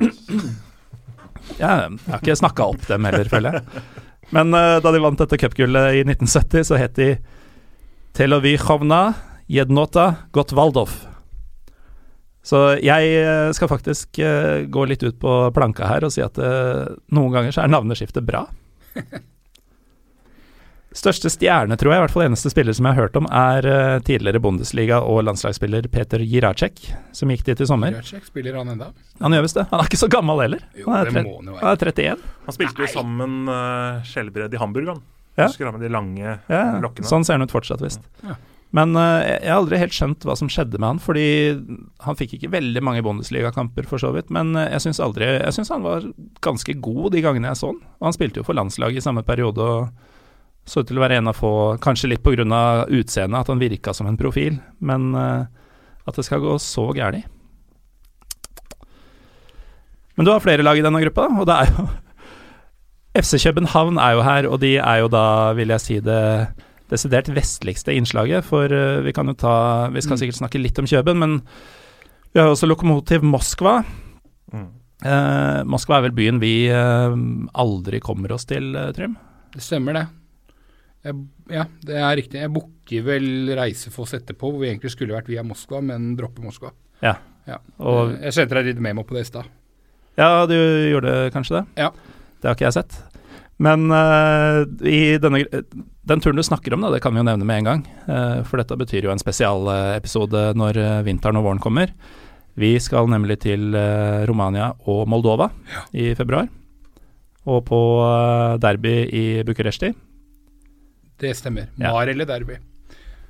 Og nå er vi, når vi først er i Moldova, så, så er vi på en måte på, på sheriff. Men, men bare, bare, for å hoppe litt tilbake til København, så syns jeg det er litt interessant med København i Europaligaen nå. Fordi at for dem så har dette vært egentlig en krisestart på, på uh, egentlig årets sesong generelt sett. De har hjemme i uh, Faxe Kondi-ligaen eller Superligaen eller hva nå den heter, så har de spilt for 7000-8000 tilskuere bare. Mm. ikke vært suverene der, og så kvalifiserer de seg ikke for Champions League. Og for FC København så er vel det en Det er vel til en viss grad en nedtur? Det er en nedtur. men Spesielt når du tenker på hvem hvor det Men, men samtidig så kommer de til Europaligaen, da. Altså sånn, de, Ja. får, de får mye cash, og Ståle har jo levert hvert eneste år i Ja da, Ståle, men han sparka vel assistenten sin her om dagen? Ja, men det hadde vært en konflikt som hadde pågått siden januar, så han, Ja. så han så han mente burde gjort det før. Og Men, men, men, men, syv, Friske var vel det. Ja.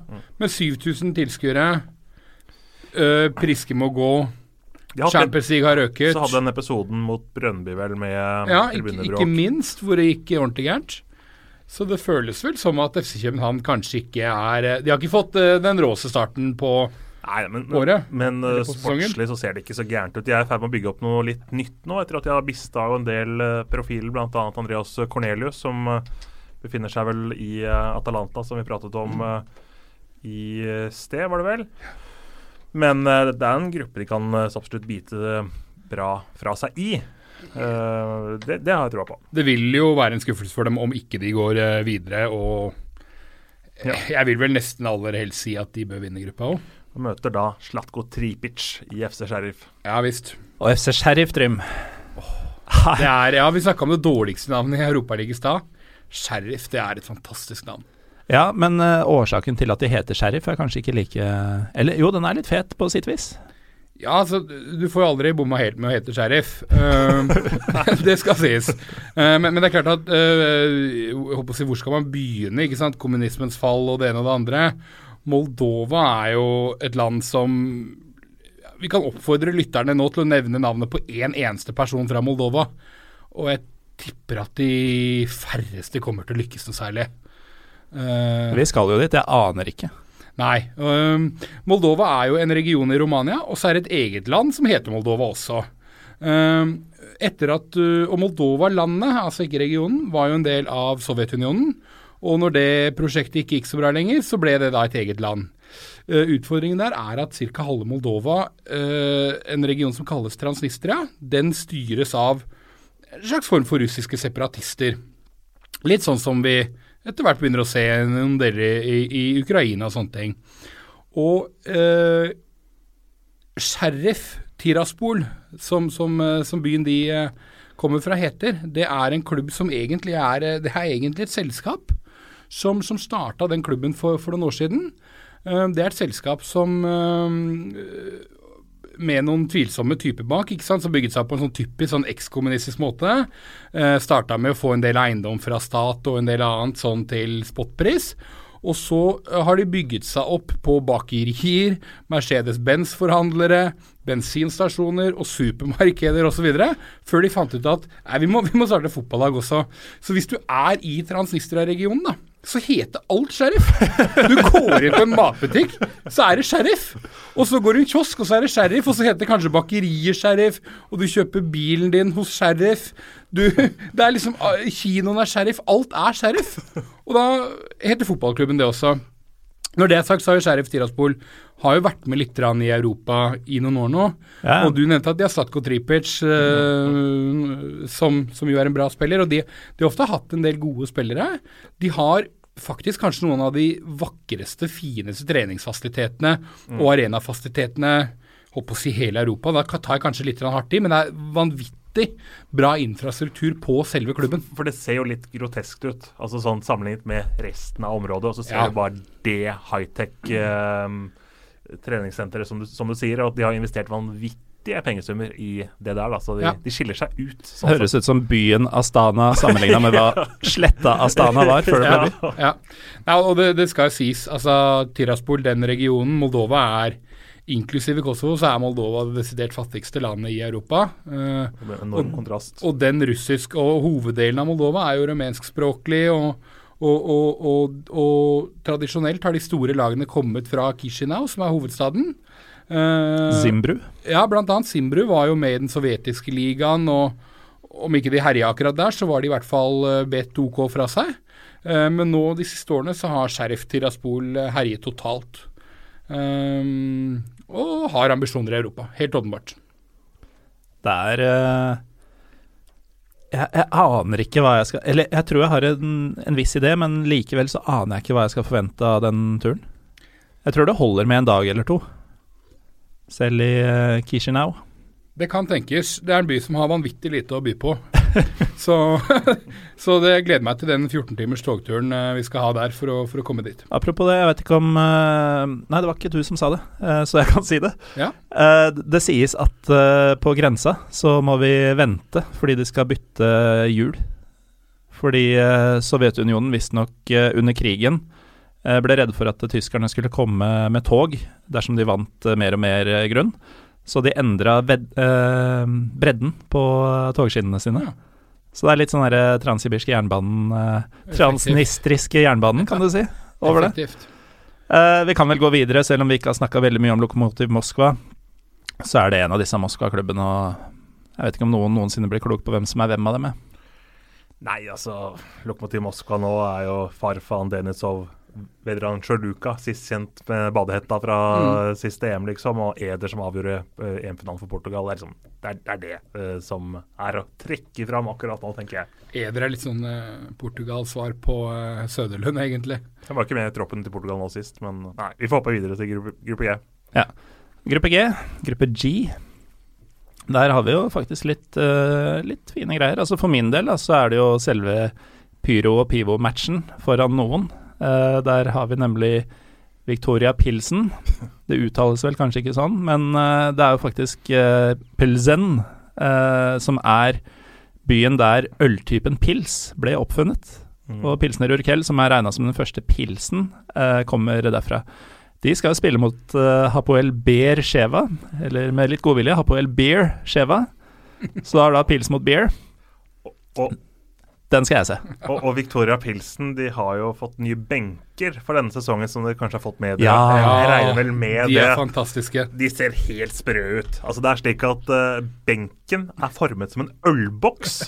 Så sitter spillerne og trenerne inni ølboksen og titter ut på banen. Det er helt fantastisk. Er det, er, det, er helt idiotisk. Nok et bilde som, som lytterne må google, faktisk. Er, de er nydelige. Eller bare gå nedover uh, timelinen til Pyro Pivopod på mm. Twitter. For vi har retweeta den uh, ikke så veldig lenge siden heller. Det var i juli eller noe sånt. Så dersom dere ikke følger Pyro Pivopod ennå, gjør det, og scroll ned til 28. juli, eller enda lenger hvis du må. Uh, når det gjelder Hapoel Beer Sheva, så er jo det litt rart, egentlig, i og med at Makabi Tel Aviv er en såpass enorm klubb eh, i Israel, selvfølgelig, men også sånn i regionen, på sett og vis. Og fortsatt mestvinnende, men de siste årene har Hapoel Beersheva vært ganske klart best i, eh, i Israel. Eh, vi trenger ikke å gå veldig mye inn på det, men vi kan oppfordre lytterne til å sjekke ut Josimar 3 2017. det ligger også, den artikkelen ligger også på nettet, hvis jeg ikke tar helt feil. Uh, der er det en lengre og veldig fin artikkel om uh, hvordan Hapoel Beersheva har gått fra rags to riches, som man sier på uh, engelsk. veldig interessant og systematisk måte de har bygget seg opp på. så har du Lugano, enda et sveitsisk lag. Det er flere av dem i, Europa denne sesongen. hatt fire managere i løpet av 2016 og 2017. Likevel så ble de nummer tre i Raiffeisen Superleague forrige sesong. Ja, De holdt jo på å rykke ned uh, for uh, var det to år siden. da. Spilte siste kampen mot Syrius, og en av de måtte ned. Mm. Og så møttes de i cupfinale et par dager senere, og så klarte Lugano seg. Så det er liksom en klubb som nesten kunne kollapsa helt om det ikke hadde gått veien den uka der, da. De er med i Europaligaen for første gang. Ja. Og apropos FC Zürich, så var jo jeg på match i Sveits forrige sesong. Mens FC Zürich var nede. Eh, de leder forresten serien nå. De gikk ned, eh, var nede en sesong, kom opp, og nå leder de. Så det er jo litt som da River Plate rykka ned i, eh, i Argentina, føles det som. Men da var vi på, på Grasshoppers, som også er fra Zürich, mot Thon, tror jeg det var. Ganske kjedelig forestilling, 4200 tilskuere. Det var i november, det var kaldt, det var mørkt. Det var Gluvein riktignok å få, så man mm. holdt seg jo varm og litt full. Men uh, det skjedde liksom ganske lite. Det ble 1-1. Kim Kjellstrøm spilte for uh, Grasshoppers uten å gjøre veldig mye ut av seg. Uh, men så, etter matchen, så skulle vi bli henta. For vi var og besøkte familien til min gode venninne, som, som, hadde en søster der. vi skulle bli henta, så over gata så er det en pub som tydeligvis var stampub til uh, litt uh, ymse varianter av uh, Grasshoppers supportere. Så vi går over der og sier at vi er på denne puben rett over gata. Ring oss når dere er i nærheten, så kommer vi ut. Og de var i ferd med å De skulle sette i gang og vise Dortmund-Bayern, så det var sånn Ingen hast, vi kjøper oss en pils og bare koser oss. Og så kommer plutselig sånn 20-30 folk beinende inn. Og vi hadde jo stått blant hjemmefansen, for det var ikke noe annet sted å gjøre av seg når det er 4200 tilskuere på et EM-stadion. Uh, så vi kjente jo igjen flere av dem fra rundt forsangerstolen og tromma og den type ting uh, under kampen. Uh, og de hadde jo stilen inne med svarte klær og capser og sånn pass deg for kameraene-type folk. De kommer beinende inn i puben, dritmange, roper masse greier på tysk som jeg ikke forstår den dag i dag, dessverre. Um, og så har de tydeligvis en prosedyre på denne puben, for dette var ikke første gang noe lignende hadde skjedd hvor de har noe jerngitter som bare blir senka foran alt av dører og vinduer. Uh, alt er gjort på sekunder etter at de får beskjeden. Og vi er barrikadert inne på en pub i, uh, i Zürich. Da var det faktisk FC Zürich-supportere som kom i flere hundretalls. Som hadde ligget og lu uh, lura i kulissene og venta på at matchen skulle bli ferdig, og at de kunne kjøre et godt gammelt bakholdsangrep på Grasshoppers Ultras. vi kom fra det uten en skramme, men det var, det var artig. Det gjorde opp for den kjipe matchen. Rabalder i Sveits, altså. Ja. Siste lag i gruppa, Staua Bucuresti. Mm -hmm. Trym, er dette Staua Bucuresti? Det er ingen som kan svare på. Nei. Uh, men akkurat som Sjeska Sofe som var inne på tidligere, så er det nå to, to lag som har samme navn. Uh, Staua Bucuresti er jo mm, Altså, alle, alle, alle, som er glad i fotball, kjenner jo til den klubben. Det er jo en tradisjonsrik klubb som, som bl.a. vel har vunnet Champions League, altså gamle format og, og, og um, Så seint som på 80-tallet? Ja, og har vært en veldig veldig stor klubb i mange år.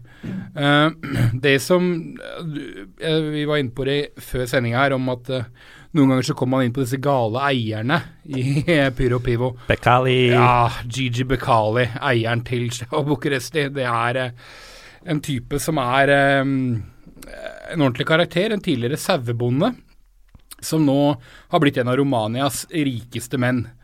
Han har vel bl.a. uttalt at han er kjempestor fan av Donald Trump, og at uh, dersom Donald Trump uh, ville vinne valget, så kom Gud til å utsette uh, apokalypsen. så han er en, han er en, han er en karakter. Han har bygget seg opp på en hel haug med forskjellige sketsjy ting i Romania, og kjøpt opp Stau Bucuresti uh, for en del år tilbake, etter at Um, og dette var hærens lag? Dette var hærens Godt forankra inn i kommunistisk Det er helt riktig, og det er, der, og det er der konflikten ligger i dag da, for denne uh, store, store klubben. Fordi at som så mange andre land uh, hvor kommunismen falt, så gikk jo ting veldig, veldig fort i, i Romania. ikke sant? Det kan Ceaucescu, kjerringa hans, det var en, en, en rettssak som varte i ti minutter, og så var ute i, i bakgården og ble skutt. Når kommunismen falt, så gikk ting innmari raskt. Og da øh, falt hærens lag i, i Holdt å si litt sånn øh, Falt litt mellom hendene på dem, og han kjøpte opp klubben. Uh, og nå nylig så har de da begynt å si at uh, ok, navnet tilhører oss. Uh, Gigi Bekali, du må betale oss en god del penger for å beholde dette navnet. Um, da truet han først med at ja, men det er helt greit, da bytter jeg bare navn til FC Bekali. Uh, og så skjønte han at det er ikke noe supporterne er veldig ivrig på, så han fant at jeg må beholde navnet. Uh, og i den forbindelse så har det nå blitt stifta en annen klubb, som teknisk sett kanskje har rettighetene til navnet, som da heter Stau Bucuresti.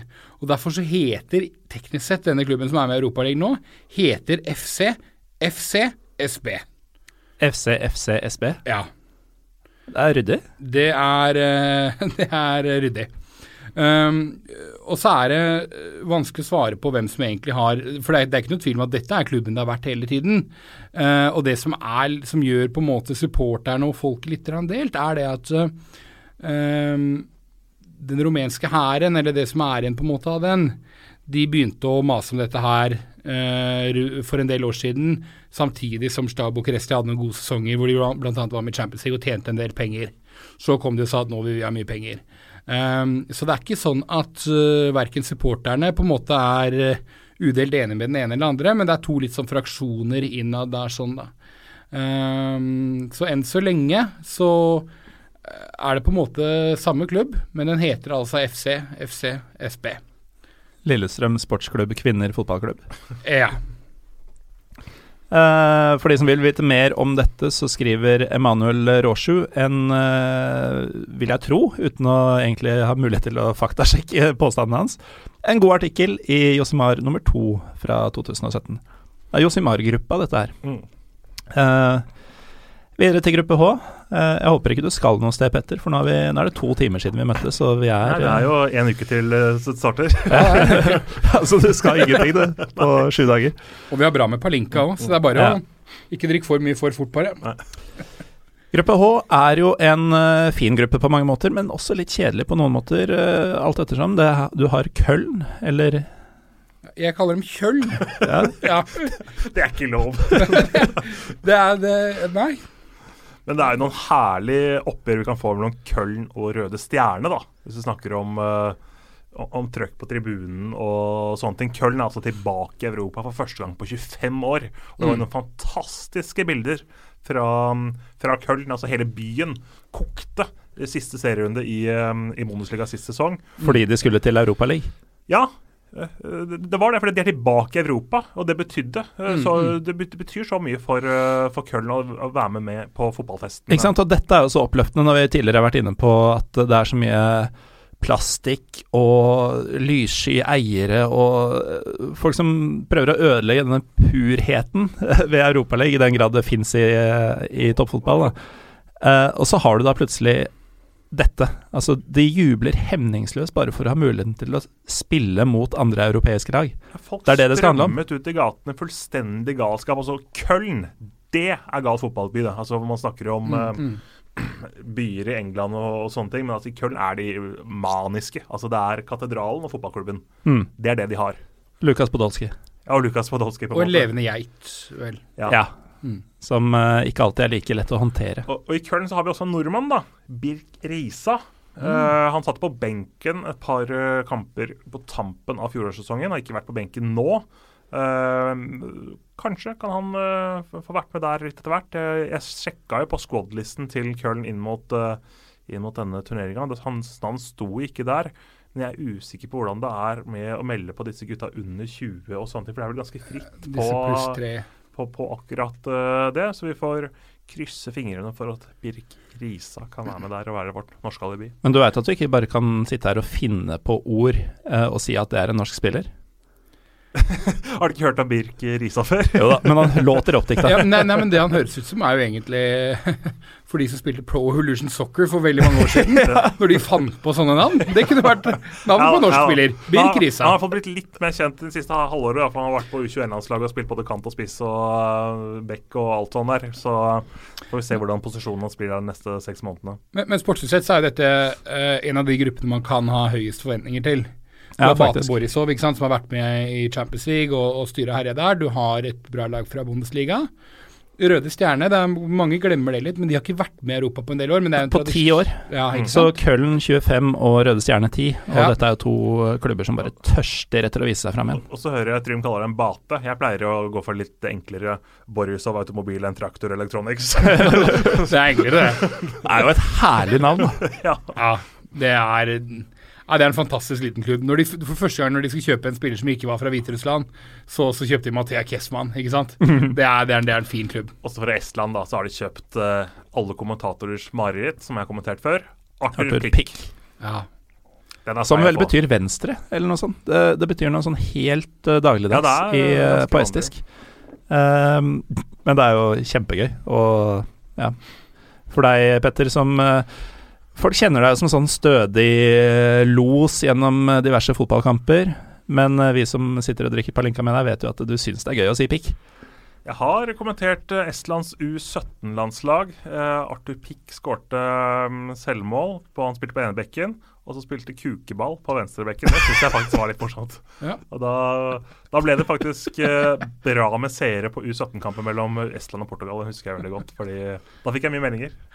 Men eh, heter han pikk, så skal han få pikk, holdt jeg på å si. Dere, er om dere også. ja. Eh, baller i bakrom på pikk? Ja. Nei, det går ikke. Uh, Trym, ja. ditt partisan Mhm. og din nemesis Svesta, eller Røde Stjerne, de Mm. er i samme turnering. Det er det. Det er faktisk Det er vel den eneste byen, tror jeg, som har med to lag i Europaligaen. Ja, Uh, Braga blir jo nesten ja, men det er, ikke- er, eh, ikke, er ikke det sånn ga- ganske nær, i hvert fall. Ja, men det er mer enn sånn. Ja. Ja, men Vitoria Det er egentlig regionen, er det ikke det? ja, jeg er ikke helt sikker, men uh, Det er i hvert fall ingen andre lag som Nei. har med uh, Ingen andre byer som har med to lag som er 100 meter fra hverandre. Nei. Nei. Det er jo noe helt fantastisk uh, over Partisan og deres uh, ja, uh, motstander, holdt jeg på å si, uh, Røde Stjerne. Uh, og Røde Stjerne vant jo ligaen, uh, holdt på å si hovedligaen i Serbia i fjor. I Serbia så er det et system hvor Uh, hvor, hvor man på en måte gjør ferdig et, et uh, seriespill, og så møtes de øverste i et uh, playoff-spill, og de laveste i et nedrykksspill. Og i nedrykksspillet derimot, så vant Nei, i, i, i, i, i Holdt jeg på å miste det her. Um, I playoffen. I playoffen så, så, så snudde det, og da vant faktisk Partisan uh, selve playoffen. Så begge de to klubbene er i en, uh, i en god periode, og det har dessverre ikke alltid vært uh, tilfellet de siste årene. Så det blir spennende å se Røde Stjerne endelig tilbake i Europa, selv om jeg eh, personlig ikke er spesielt begeistra for dem. så, så serberne de aksepterte altså den der Hypercube-modellen som du solgte inn i ja, Norge? ja, ja, de, de, de takka ja. Men uh, hva er egentlig for den uinnvidde uh, Hvorfor er du så mye mer glad i Partisan enn uh, Svesta? Åh, ja det, det, det, det er altså Jeg, jeg vet at den enkle forklaringa for din del er personlige bekjentskaper, men det, ligger litt mer til grunn? Ja, jo, men altså det, er mange årsaker til det. Men det er klart at det personlige er jo selvfølgelig en, en, en, en faktor. Men eh, eh, Partisan har jo også hatt noen spillere som, som eh, ja, Slatko Savic, Taribo West altså det er, det er en klubb som har hatt noen fantastiske spillere. Og når du, først, eh, når du først har blitt glad i en av de klubbene, så kommer du veldig automatisk å mislike eh, en av de andre. Vi har jo selv sammen vært eh, på, på kamp i Beograd og sett disse to møte hverandre, og det er jeg tror det er den feteste fotballopplevelsen her borte, og jeg har sett litt fotball. Men det er, eh, det er så utrolig bra som det kan, eh, kan få blitt. Jeg stiller meg helhjertet bak den. uh, Ja, det Karakteristikken. er um, uh, Når det er sagt, så skal det sies at den serbiske li ligaen er ikke, er ikke mye å skryte av. Den er rett og slett veldig veldig dårlig. I motsetning til deres nabo Kroatia, da, hvor vi kan snakke om Osijek og Rijeka, de to storklubbene osv., så, videre, så er det nesten bare to lag i Serbia, og det er de to fra Beograd. Eh, der har det vært mange økonomiske utfordringer og andre ting de siste årene. Det som har på en måte holdt Røde Stjernen i live, er at de har vært uh, sponsa med veldig mye penger. Noen i Serbia sier at det er kanskje litt mistenksomt mye penger, fra Gazprom, som man også kjenner fra Sjalke 04 sine drakter og en del andre Og Uefa i det hele tatt. Ja, generelt sett. Så, så Gazprom har holdt på en måte Røde Stjernen i, i live. Og igjen, selv om jeg ikke er så begeistra for dem, så er det gøy å se at de er tilbake i, eh, i det gode selskap. Det er jo klubbnavn som hører til i europeisk fotball. Ja. Arsenal, da? De uh, har jo du også et godt øye til, eller eh, stadig, stadig mer mysing kanskje på det øyet? Ja, eh, Nei, de må jo bare prøve å klamre seg fast og se om de kan komme seg videre fra den gruppa. Men eh, det er klart at eh, det, det, det blir tøft altså, for Arsenal å, å skru biter fra seg her. Det skal holde hardt mot dette Hva var det dette laget fra Borisov het, eh, Petter? Uh, Borisov Automobil and Traktor Electronics. Ja. Ja. Men det er fortsatt mye mer sexy enn Rob Holding. Altså, det, Er han tilbake? Ja, ja. Ja. ja, noen må jo ta plassen til Gabriel Paulista. Ja, og Senderos og Sigan og alt som har vært der oppe gjennom årene. Det tar jo aldri slutt for Arsenal. Men det er klart at eh, fra spøk til alvor, da, nå er jo Arsenal kanskje på et nivå som Og nå høres jeg kanskje litt flåsete ut, men, men, men som passer dem litt bedre. Arsenal er den, hvis du ser på transfermarkt og sånne ting, så er Arsenal det, den klubben som har desidert den mest verdifulle troppen av de lagene som nå er i Europaligaen. De må finne seg i at her bør de være en favoritt til å gå hele veien, sånn som Manchester United gjorde i, i fjor. Um, og, og selv om jeg ja, sportslig sett en, en veldig, veldig bra gruppe um, Fordi du har Arsenal og Bate, som begge har hatt en del erfaring i Europa. Selvfølgelig mye erfaring i Europa de siste årene, pluss da uh, Kjøln, som jeg ser, og Røde Stjernen, uh, som, som helt sikkert er veldig ivrig på å bite fra seg. Så sportslig sett så blir dette en veldig veldig festlig gruppe å følge. Men Arsenal kommer nok til å stille med B-lag. Uh, Ja, det gjør de jo selv når de prøver å stille med et A-lag. så det er jo Arsenal. Det er eh, Rob Holding og gjengen, det. jo da. Jo Ja. da. Men det er for- uansett hyggelig å ha ham tilbake da, for første gang siden år 2000. Mm. Der røk de mot Galatasaray i finalen. Ja, de har, jo, de har jo faktisk vært i finalen vel tre ganger. Galatasaray og Er det to ganger Parma, er det ikke det? Én gang Parma, kanskje. Jeg er ikke helt uh, sikker, ja. Nei, men Arsenal har vært der tidligere. Men nå har det vært mange år i Champions League. Men, men igjen, eh, kanskje er dette et nivå som, som eh, vil passe dem bedre. Videre til uh, gruppe I. Der har vi i hvert fall én debutant, uh, Petter, som du har kommentert. Ja, nå er jeg litt på Rattenballsport. Ja, jeg trodde du mente Pamela Andersen, ja, som debuterer i Europaligaen kjæresten til Adil Rami i Marseille. uh, ja, RB Salzburg, har du tenkt på? Det kan være. Ja, de har jo aldri klart å kvalifisere seg til Champions League, da. De strever og strever med det hvert eneste år. Ja, nei, nå tuller jeg fælt, selvfølgelig. Jeg, jeg ser uh, RB og tenker Leipzig. Ja, Salzburg har vært med mange ganger. Ikke i Champions League. Nei, men i Europaligaen, som Europa vi tross alt snakker om. Så, så, så de er Begynner å bli mye palinka her, altså. Ja, den, den, den, den ødelegger litt. De er en gjenganger sånn sett, uh, og har jo Valle Berisha og Fredrik uh, Gulbrandsen. Og det er vel egentlig et prosjekt i Østerrike der som går litt sånn på halv maskin, da. Mm. For det var jo liksom full gass og full uh, tråttel før, og nå er det litt sånn Jeg kan ikke helt skjønne at det skal være så fryktelig motiverende å være der, men de får vel holde på å spille disse kampene ut denne sesongen her også, så ser vi dem igjen neste år, tenker jeg. Det var vel så vidt at de Eller det var i hvert fall oppe til lufting hvorvidt de skulle få lov å delta i europeiske turneringer. Ja, det er jo dette med to lag og med samme majoritetseier og alt det der. Og Uefa er jo selvfølgelig veldig imot alt dette med eh, egen reklame i navn og sånne ting. Så Uefa bruker jo FC Salzburg Mm. som eh, De har endra logoen deres i turneringene. Så det er veldig mye å ta tak i for Uefa der. Men jeg syns for så vidt at det er OK at de er med så lenge det er i to forskjellige turneringer. Men om eh, RB Leipzig skulle ryke ut av Champions League, og RB Salzburg gå videre Tenk å få de i en uh, kamp mot de andre, da, f.eks. Eller, eller om Uefa kanskje, kanskje legger inn restriksjoner på at ikke de kan trekkes mot hverandre. Det, det burde de nesten gjøre. Ja, det er litt sånn eh, Armenia-Aserbajdsjan over det. Bare langt mer fredelige former. Ja, Det er nesten ikke noe vits å, det er jo ikke noe vits å spille den kampen hvis de eventuelt møtes. For da, da sier, kan jo Mateschitz bestemmer. Mateschitz bare si at jeg sender førstelaget videre, og det er jo Leipzig. Det her er annetlaget. Men, men, men er dette i ferd med å bli et sånt prosjekt som er litt feila, egentlig? De har ikke klart å oppnå den sportssuksessen over flere år. Salzburg, Så- tenker du på? Ja, Men, men, i- Som de vel skulle på en måte ha fått til. ja, men Og samtidig så kan nå du- begynner man å si at nei, vi satser mer på de tyskerne her. Altså, Men samtidig så kan du si at det er jo også en suksess. At du feiler. For da prater folk om deg. Mm. Det er PR, PR, PR, PR. Det er det som er Fra et markedsperspektiv, ja. ja, som som er er Ja, ja. for at de bygger fotballklubber og sånne ting. Og for, eh, bare for å ta en liten eh, inn mot RB Leipzig, da. Det at Keita blir klar neste år, det er egentlig et pluss for Red Bull. For da blir det prat om Keita Red Bull, Keita Red Bull gjennom Mm. et år til. Mm. Så markedsmessig så er egentlig det mye bedre enn at de blir solgt nå. Men eh, kan vi, eh, når vi først er inne, eller du var inne på det, Petter, Mm. kan vi bare ta tak i det hysteriske med at Uefa er så strenge med eh, sponsornavn på både stadioner og, og klubbnavn osv. Mm. Når de i seg selv er en pådriver for ekstrem kommersialisering av fotballen.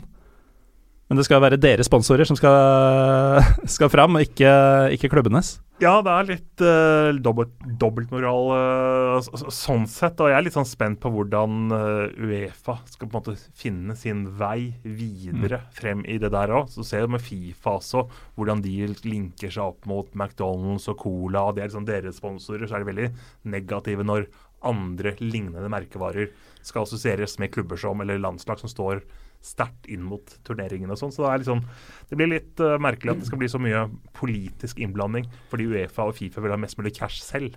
Ja. Mercedes-Benz eh, stadion i eh, Stuttgart het vel bare Football Stadium Stuttgart eller Ja. noe sånt under VM. Ja, altså hva, hva gjør hva gjør Uefa den dagen Europaligaen heter Monster Energy Europaligaen, og så er det to lag fra Red Bull som kvalifiserer seg? Det er, det er, det er ikke enkelt. Nei, det er kinkige greier. Du var innom Adil Rami og Pamela Anderson, og da snakker vi selvfølgelig om Marseille, Petter. Stemmer, stemmer. Og Marseille har et litt kult lag, da. Hvis vi skal ta litt om, sporten der også. De har jo fått inn uh, Luis Gustavo, annet. eh, Brasilianeren som er vel litt over the top, men fremdeles en spiller som kan gjøre seg veldig godt bemerket i den franske ligaen og for Marseille. Så har de jo Dimitri Payet, og så har de jo farveklatten Patrice Evra, som er med og lyser opp enhver Instagram-konto hver mandag. Ja. Og uh, de har uh, også Newcastle-floppen Florian Tauvin, som har vært en av de Selvfølgelig snakker man ikke om dette i en tid hvor Mbappé og Bernardo Silva og den type Neymarer og sånn dukker opp, men én uh, av de beste offensive spillerne i ligaen siden han kom tilbake fra Newcastle. De har jo i det hele tatt De har fått nye eiere, de har fått mye spennende tilvekster siste halvåret, kan man si. De begynte jo allerede i vinter med Payet og Evra. Mandanda i buret. Kom tilbake nå. Uh, Velodrom, et av de mer ikoniske stadionene i hele verden, vil jeg si, er uh, oppussa. Så det er mye som ligger til rette for at nå skal Marseille bli en maktfaktor igjen. Mm. Og så går de fram og taper 6-1 mot Monaco, som har blitt ribba. Så det er en jobb å gjøre fortsatt i Marseille, men eh, det er gøy å se dem i Europa igjen, i hvert fall. Eh, for der hører de hjemme. I motsetning til kanskje Victoria Gimaresh. De er eh, geografisk nært Braga, men hvis du går inn på Wikipedia-siden deres og sjekker European matches, så er det helt blankt, og du går videre til neste avsnitt.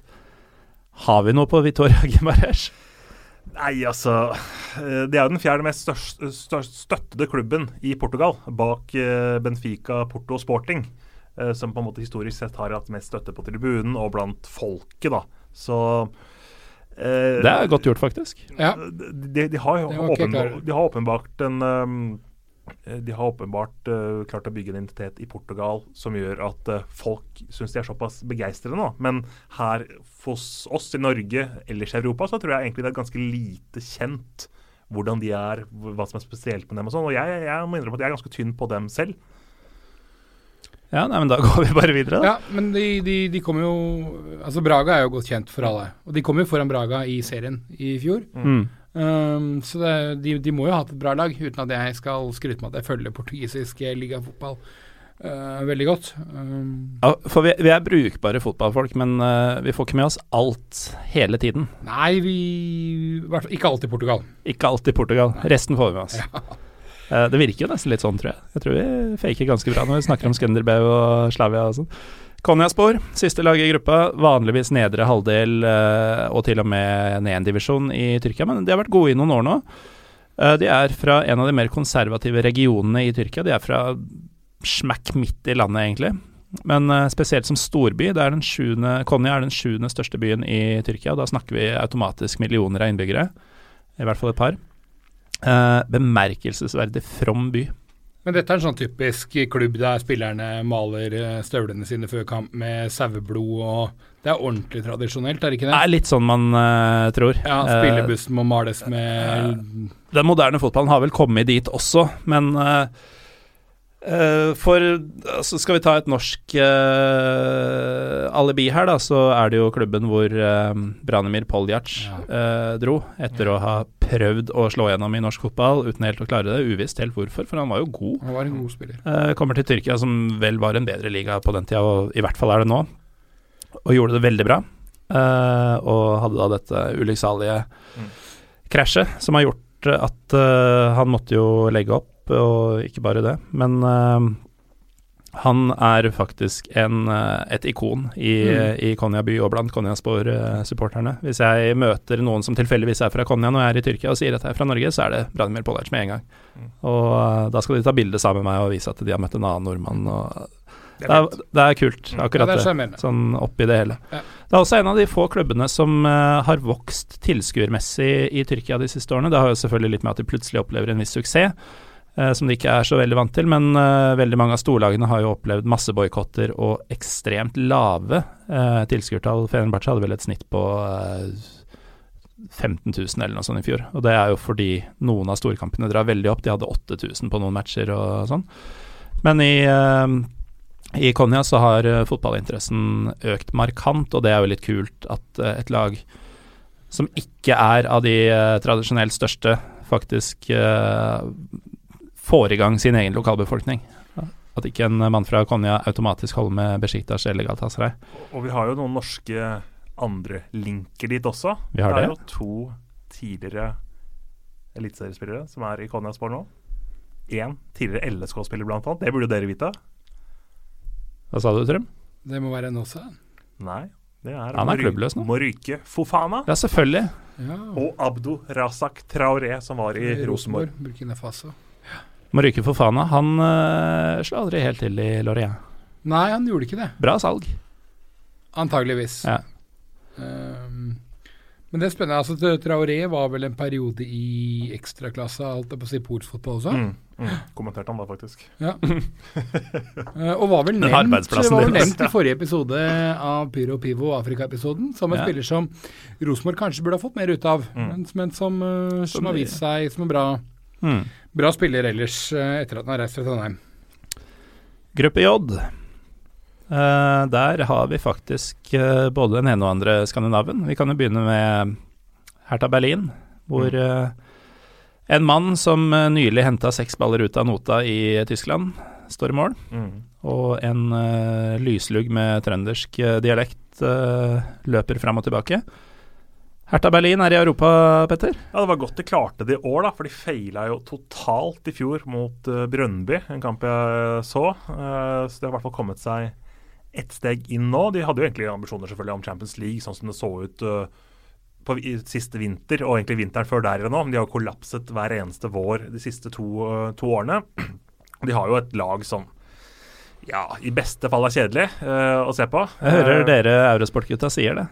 Nei, men altså sånn, det, det er sannheten, men de har jo fått fantastiske resultater. Uh, Pal Darda har gjort en kjempejobb med det laget, men det er liksom ikke det laget som er morsomst å se på. De vinner 1-0, spiller mye 0-0 og er litt trauste sånn sett. Men uh, det skal bli spennende å se hva de kan få til her nå ute i Europa. For de har jo ofte sett at en del av de tyske lagene som er bak Bayern og Dortmund og til det Schalke da de var litt bedre for noen år siden også, de har slitt ofte med å spille på to arenaer, altså Europa og innland. Og Det har vi sett uh, mange eksempler på. og Kanskje kan dette her med Europaligaen for Hertas del denne sesongen gjøre at de kanskje kan slite enda mer i, i um, Bundesliga. Eller slik, slik at vi som tipper Hertha litt lavere på tabellen, kanskje kan få rett. da, For de har jo For en gangs skyld. ja, for de, for de har jo de har overrasket uh, egentlig de siste to-tre sesongene. og Det er gjort en kjempejobb der, altså. Det skal sies. Ja, for det må jo være lov å si i en gruppe med Østersund, Soria og Atletic at uh, man må jo nesten forvente at Herta i det minste er med til siste slutt i kampen om avansement. Uh, om ikke de er eh, Ja, det må man jo kunne Ja, de og Atletic som- si. Atletic er favoritten i gruppa. Mm. Synes jeg, synes jeg er ganske opplagt, eh, egentlig, med tanke på de spanske og portugisiske tradisjonene som vi ser i Europa. At det spanske lag setter Europaligaen uh, veldig høyt. og Det gjør også Atletico. og De har jo mange av de spillerne har vært med mange ganger, Adoritz og de legendene der. Han har vært med mange ganger. han. så han hadde jo en vanvittig streak der for uh, var vel halvannet år siden, eller når det var, hvor han var bøtta inn i så som han kamper på rad og ble vel nesten toppskårer i turneringen. Ja, nei, jeg synes det var litt artig at du nevnte at de må, må kunne være med helt til toppen helt til slutt i den gruppa. For du skulle jo nesten tro at Herta kunne finne en eller annen metode på i en, i en gruppe med bare seks kamper, at de kan ligge helt i toppen hele veien, og så bare at alt går gærent helt på slutten. Slik de har tradisjon for i ligaen. Hadde gruppespillet vært seks kamper, men blitt avslutta i april, Ja, eh, da hadde de funnet en måte å gjøre det på. ja da hadde de fått til det.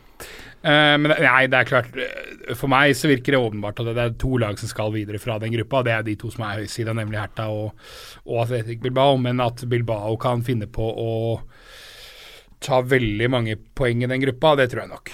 Men, men for Herta så er det viktig å komme seg til Europa. For Herta er en klubb, og i, i, i Berlin så har de jo slitt med økonomien i klubben. Har Hatt stor gjeld.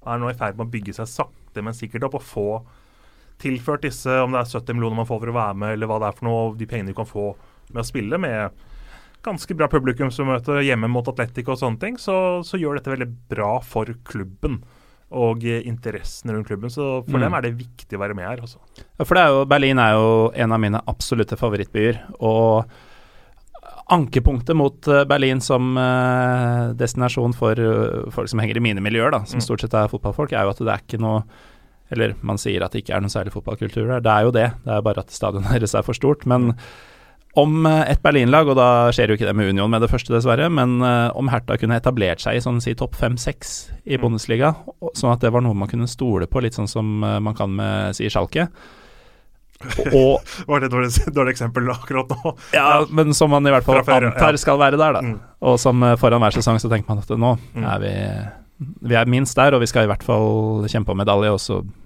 i verste fall blir det femteplass. Men uh, det var kanskje ikke et, eh, et eksempel i tiden. Ja. Uh, men uh, hvis Berlin hadde fått et etablert lag, da, som da ville vært Hertha i topp 6-7 over mange år, hva mer skal til, tenker du Petter, som, som følger Bundesliga tett, for at Berlin skulle eksplodert som fotballby? Nei, jeg syns jo det er et problem med det stadionet. Mm. Den er flott, uh, arkitektonisk og sånne ting. Fin å se på og sånne ting, men du, du sitter så ekstremt langt unna banen. Du får en flott stemning der med 50 000 og sånn som de, som de, som de stort sett har på en del oppgjør, men, men likevel, da, du får ikke det jaget etter å skaffe deg billett til den, den kampen. Og det tror jeg er noe som kan legge en demper på galskapen da, i en by. Mm. At det ikke blir et sånn jag og et rush om å komme seg på kamp, om å få med seg kamp og Mm. sånne ting. At det blir bare én ting av mange ting som skjer i Berlin. Dette er Så- tema Sånn som man også får i andre Os Oslo, f.eks. Mm. Du får ikke det jaget. Det er så mye som skjer i Berlin. Ja, og så er, og så er det for enkelt, som du, du er litt inne på. ikke sant? Det er for enkelt å egentlig skaffe seg billett. Mm. Så man trenger ikke å stresse med det heller. Så du får ikke nødvendigvis kok hvis det Mm. går litt dårlig. Jeg var og så de uh, Vi har vært der alle tre, vel? Jeg har faktisk ikke vært der. nei. Jeg var og så de for et par sesonger siden mot Hamburger Sportsverein. Jeg syns det var en utrolig kul uh, opplevelse. Som det er å gå på kamp i Tyskland. Ja, det er jo. Så det er, men, men, men det er klart at det er ikke det samme som helt sikkert en del andre steder her, hvor det er helt stappfullt og sånne ting. For selv det som var en stor kamp, og de vant 3-0, og Per Siljan Skjelbred spilte som om han skulle vært en kombinasjon av uh, uh, Sokrates og, og, og Rivaldo, så han var helt vanvittig bra. Men allikevel så var det ikke helt det samme som man ser fra en del andre steder i, i Tyskland. Men, men de er vel litt inne på å prøve de- å bygge noe egen de- eh, arena. De, de har lyst til å bygge en ny arena. Masse planer om det hadde vært i mange år. og Mm. Arkitektkonkurranse med her og der og, og sånne ting. Men eh, de er jo litt sånn avventende samtidig, da, i og med at de Sveia Sveia har ganske mye penger for en del år siden, da, som Ja. de har måttet betale tilbake og brukt litt uh, tid på å etablere klubben litt på ny. fordi det er ikke mange år siden de var på nivå to i Tyskland. Mm. Og Tyskland var jo en av eh, de få, en av de få hov med, med hovedstad Som utenfor, um, utenfor toppdivisjonen. Fotballandet Tyskland hadde jo ikke et lag i toppdivisjon, og det er jo, det er jo veldig spesielt med, med Berlin. Men, men, men det sies jo det, du var inne på dette med økonomien. ikke sant? Det sies jo det at uh, bare det å kvalifisere seg til gruppespill i seg selv Mm. kan fort være verdt opp mot 100 millioner kroner. Uh, og det vil, jo, det vil jo komme godt med uh, for, selv for Herta. Og de tyske klubbene er nødvendigvis de som tjener aller mest, fordi at det er også slik at TV-rettighetene til en viss grad forhandles per klubb også. Så, så de vil jo mm, definitivt eh, eh, tjene godt på dette her. Og, og for de som ikke kjenner så godt til hvordan Herta og en del tyske klubber uh, jobber på overgangsmarkedet f.eks., så når, når de får 70-80 mil inn, så kan jeg også si at Herta kjøper ikke spillere for mer enn 40-50, kanskje på det meste, Mm. millioner. Det er sånn Oi, det er et storkjøp. Altså 40 milli nok, altså ikke 40 millioner euro som man uh, sign off i Premier League, liksom. Det er, øh, det er et helt annet nivå, så disse penga kommer til å gjøre godt. og håper at de kan etablere seg eh, og være med ofte, slik at de også på sikt kanskje kan eh, være med i en annen turnering. Og så er det jo Holdt på å si samme sheriff og det er Sheriff og København og Rosenborg, så er det vel en av nesten eneste klubbene som har noen nordmenn i, i troppen. Det er liksom Tom Høgli og Slatko og Dripkic i de andre, og så er det, Ja, vi, så er det de to gutta boys i vi kommer innom et par varianter uh, senere, faktisk, som kanskje folk har til og med glemt. Ja. Nå skal jeg på uh, Ninjavis uh, overlate ordet til dere i et par minutter mens jeg går på toalettet, for nå begynner pivoen å gjøre seg gjeldende etter 1 time og 38 minutter på lufta. ja, er det pivoen, eller er det Nei, det skal ut den veien som pivoen går. Jo, men jeg bare lurte på om Pardinkan her også var involvert. Ja, men den er ikke vanndrivende på samme Betyr det, måte. at, betyr det at verten forlater, og så må vi sitte og prate om uh, Soria? Nei, Nei, dere skal få lov til å snakke om Østersund, for der vet jeg at dere kan holde det gående i hvert fall de Østersund kan vi klare oss. det er minutt og ti sekunder kanskje som jeg blir borte. Jeg, jeg kan prate litt om Jeg skal ikke eh, vaske hendene. Østersund, da, for det er jo et eventyr. Og det var jo altså en, eh, en klubb som ble satt sammen av flere små lokale klubber, akkurat som vi hadde i Oslo, Groruddalen ballklubb, Ja. som var Bjerkealliansen og, og flere varianter, og som, som var et satsingsprosjekt. Og de spilte også eh, på nivå tre i Sverige, så sent som i 2013. Mm. Og de har en engelsk trener som heter Graham Potter, som har ledet laget siden uh, Hele veien, 2011. Hele veien har han blitt med opp. Fantastisk. Og i april så ledet han seg laget fra skiskytterbyen til svensk cupgull. Ja. Og det er jo en uh, eventyrhistorie sånn sett. Og de har uh, små ressurser. De har en engelsk, litt sånn ukjent spiss, Jamie Hopcutt, som er deres toppskårer, som har skåret fem mål denne sesongen. Mm. Det er liksom et lag litt ut fra intet, da. Og de har hatt en fantastisk kvalik, da. Det er, ja, ja, ja. Det er, Det er vel kanskje den råeste av Ja, altså- nesten alle, med unntak av Vardar. Slått ut Galatasaray og Paok på veien, liksom. Ja, ja. De begynte vel eh, De begynte vel faktisk med eh, Galatasaray, tror jeg. Ja, og det er klart at uh, Galatasaray, da, som hadde trent sammen i eh, 14 dager eller halvannen uke etter at de eh, kom tilbake fra ferie, de syntes ikke det var superstas å komme langt opp i skauen til Østersund Nei. til regn, vind og åtte grader. Ja. Og eh, Østersund er jo noe vi eh, nordmenn tenker på som skiskytterbyen. Altså Ja. det er, det er For da er vi like langt nord som Trondheim. Trondheim, ja. Det er jo tvilling- eller søsterby med Trondheim, faktisk. Okay, 260 km fra. Det er jo nesten en rett linje på kartet bortover. Det er jo nabo, nabolag oppi der, det. Så det hadde vært litt gøy om uh, Rosenborg og Østersund kunne komme til samme gruppe, da, men nå gikk ikke det. Men, eh, men eh, det er jo eh, Det er noe annet vi kommer til å forbinde med Østersund med nå framover. Det er ikke Halvard Hanevold og Liv Grete Skjelbreid på re. Nå er det Graham Potter og ikke minst spissen Jamie Hopcutt. Nei, men den, den, den kvaliken er Altså For Galatasaray så burde det nesten vært en walkover. men taper vel sammenlagt da var det 3-1 eh, mot, mot Østersund. Før, før Østersund da skal møte et lag fra, fra Luxembourg, som, som de vel faktisk var favoritt mot. Uh, og så slår de ut Pauk også, etter å ha vunnet uh, 2-0 hjemme. Uh, og så taper de 3-1 borte, så det er bortemålsregelen som gjør at de slår ut Pauk, som jo er en svær, eh, svær klubb i I hvert fall sett opp mot Østersund, da. Og det, dette er jo da, ja, med ditt resonnement sier seg selv, på en måte, men dette er jo ikke bare første gang de er med i Europaligaen, men første gang de i det hele tatt er ute i Europa. Ja, og de hadde, jo ikke en, de ikke en stadion heller som var klar for dette her. Så de måtte jo ha hjelp av kommunen til å få godkjenne, nei, til, til å liksom få rusta opp eh, og fylle Uefa-kravene og sånne ting. Så da, det er på en måte et eventyr som klubben ikke har vært klar for heller. Og det er også en, kanskje et eventyr som forsvinner like fort som det kom. Altså sånn, Det kan fort hende at de her spiller i på nivå Tilbake tre, nivå tre om uh, to-tre-fire år, liksom. Divisjon 1 Norra.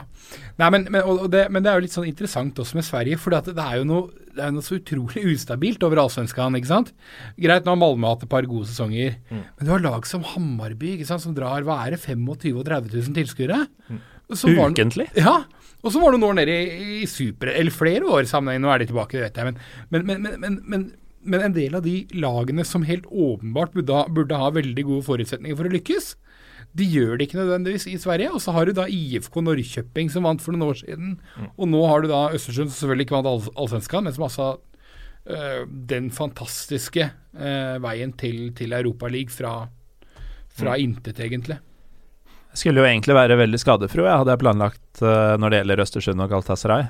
Men så gikk jo Fenerbahçe og tapte begge oppgjørene mot Vardar, som kommer i en litt senere gruppe. Ja, idet du var borte på toalettet her, så satt vi hadde en Vi var kjapt inne på hva som var den største upseten, så det får vi vel kanskje komme til når, eh, når Vardar til slutt drukker opp. Vi kan jo ta for oss kjapt litt om den siste klubben, altså Soria, som eh, i hvert fall de som følger Manchester United, også Fenerbahçe, hvis det er noen lyttere der ute utenom Kim Kristiansen som uh, følger dem, uh, så kjenner de jo litt til Zoria fra før, uh, fra i fjor. Det er en klubb som, som spiller i eksil, litt som Karabakh i Champions League i denne sesongen. De er fra Luhansk ved den russiske grensa, og der er det ikke mulig å spille Eller der syns ikke Uefa det er forsvarlig, ei heller det ukrainske fotballforbundet, å spille fotball for tiden, og det er greit nok. De har faktisk ikke spilt hjemme i Europa siden 1973. Uh, det, det, ble, det ble jo sovjetisk seriemester i 1972, noe som var sjokkerende at uh, tittelen ikke gikk til et lag i Kiev eller Moskva. Det ble seriemester i 72, spilte hjemme i Europa i 1973, i Luhansk. Og så gikk alt gærent, og de ble først gode igjen samtidig som det ble trøbbel i Ukraina. Omtrent på samme tid som Trym og jeg satte fot i Ukraina. Da fikk ikke de spille hjemme lenger, for da ble det bråk. Uh, men det er jo De spilte i Odessa eh, forrige sesong, og det var visst beinhardt. Eh, de møtte Feyenoord, Fenerbahçe og United i gruppespillet. Ja, det var en Uh... Samtlige eh, tre borteklekker ble angrepet i byen av eh, ikke Soria-fans, men eh, Tsjernomorets Odessa-fans. Eh, de gjorde sport i å jakte på, eh, på internasjonale fans som kom til byen, for de får jo ikke all verdens europaerfaring selv. Så det var, eh, det var ganske grusomt, og antagelig grunnen til at de denne sesongen skal spille i Lvov, eller Lviv som det skrives. Så får de Eh. ikke spilt på den gamle stadion som Lenin bygde. Det ble, hadde jo Lenin stadion. Han bygde i 1922. Det er pent. Ja, Det passer jo bra inn, for det, dette er jo opprinnelig Jernbaneverkets klubb. I Mm. god sovjetisk ånd så er det jo de forskjellige statlige instansene som styrer hver eh, klubb. og eh, Det gikk fra å være Jernbaneverkets klubb til eh, i en periode å hete Dzerzjinets. Da var de da oppkalt etter Felix Dzerzjinskij, som var en ledende skikkelse i det hemmelige politiet i Sovjet, eh, også kjent som KGB. Eh, ellers er det jo verdt å nevne at eh, stavhopperen eh, Sergej Bubka han kom fra Luhansk. Han er regna som deres fremste sportslige eksport, kanskje ved siden av klubben Soria. Det er noen herlige avsporinger på andre Ja. idretter i, Ja, det- i dag. Det. Men sånne facts er fine. De Ja. liker 35 verdensrekorder i stavsprang, Ja. satte han. Soria. Ja. Gruppe K. Der trenger jeg hjelp. Det er Lazio Nis. Som vel blir en fet tribunekamp. Ja, den, Begge steder. Den har potensial både, både i Frankrike og Italia. Mm. Uh, og så er det skjulte Varegem og Vitesse Arnhem. Ja. Vitesse Arnhem er jo en klubb som på en måte, kanskje ikke de aller siste årene, men som egentlig flere år har vært eh, for all del ikke Feyenoord, PSV og Ajax-nivå, men stort sett vært liksom litt sånn relativt høyt oppe i Nederland. Men jeg tror, øh, og nå er det mulig Petter må arrestere meg, jeg tror det er første gang de er med faktisk i Europa Europaligaen. Ja selv, selv om det egentlig føles som en klubb som, som kunne vært med noen ganger. Men det kjennes som en gjenganger. Ja, det gjør jo det. Uh, ja, de har ikke vært med De har vært med i kvalik uh, flere år. Så har de vært med i Uefa-cupen. Altså go- gode gamle, Mm. uh, for å si det sånn sett. Ja, for det er kanskje på den tida hvor, eh, hvor man var 16-17 år gammel og spilte CM og så på Eurogoals. eh, Mm. At Fitesse Eller Fitesse er det visst det uttales, ifølge Paul Thomas Clay, som er eh, en av få som bryr seg om denne ligaen i Norge. Det er en klubb som har mye rart i troppen. Nå, kjenner, nå, nå følger ikke jeg nederlandsk fotball spesielt tett, men eh, jeg ser jo, jeg har sett på troppen. De har jo altså Lucas Danios og Tim Matavs på topp. Det er to gamle Bundesliga-spisser som uh, ikke skårer mål i det hele tatt. Uh, Castanos var i Frankfurt, og uh, Matavs han var jo i eh, Augsburg. Det er også gamleklubben til Markus eh, Pedersen. Men eh, Og så hadde jo også Alexander Bytner i troppen, han som var uh, Uniteds uh, si, en av de største floppene de har hatt da, i eh, løpet av de siste ti årene, vel. Men han så god ut i debuten.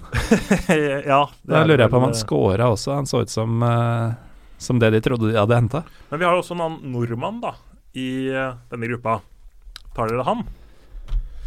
I Eh. Solte Warheim. Solte Warhem, ja. Der har vi Fredrik Oldrup Jensen.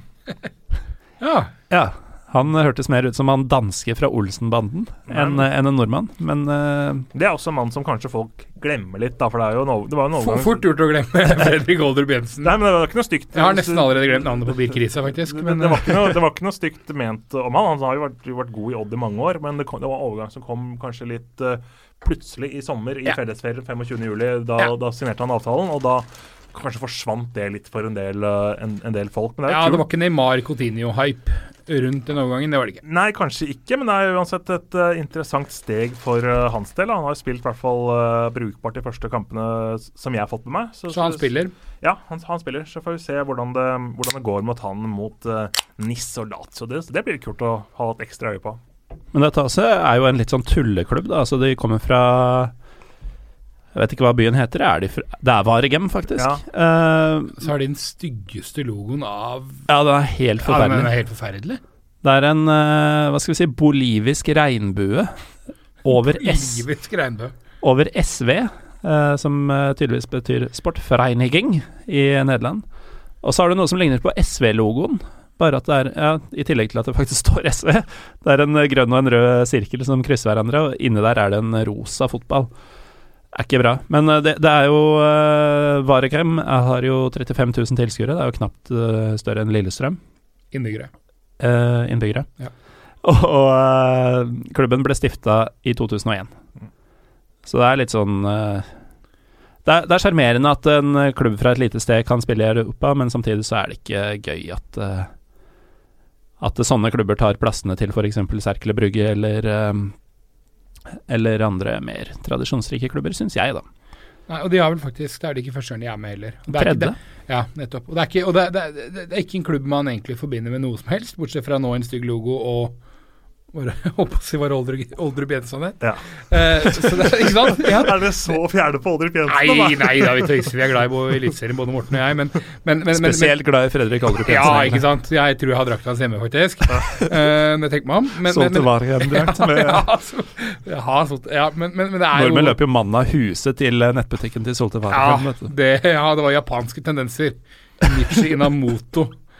Eh, nei, men ikke sant. Det, det, det, er, jo en, det er en klubb som, som man, man, man klarer ikke å ha noe forhold til det, selv når vi sitter her og prater om det.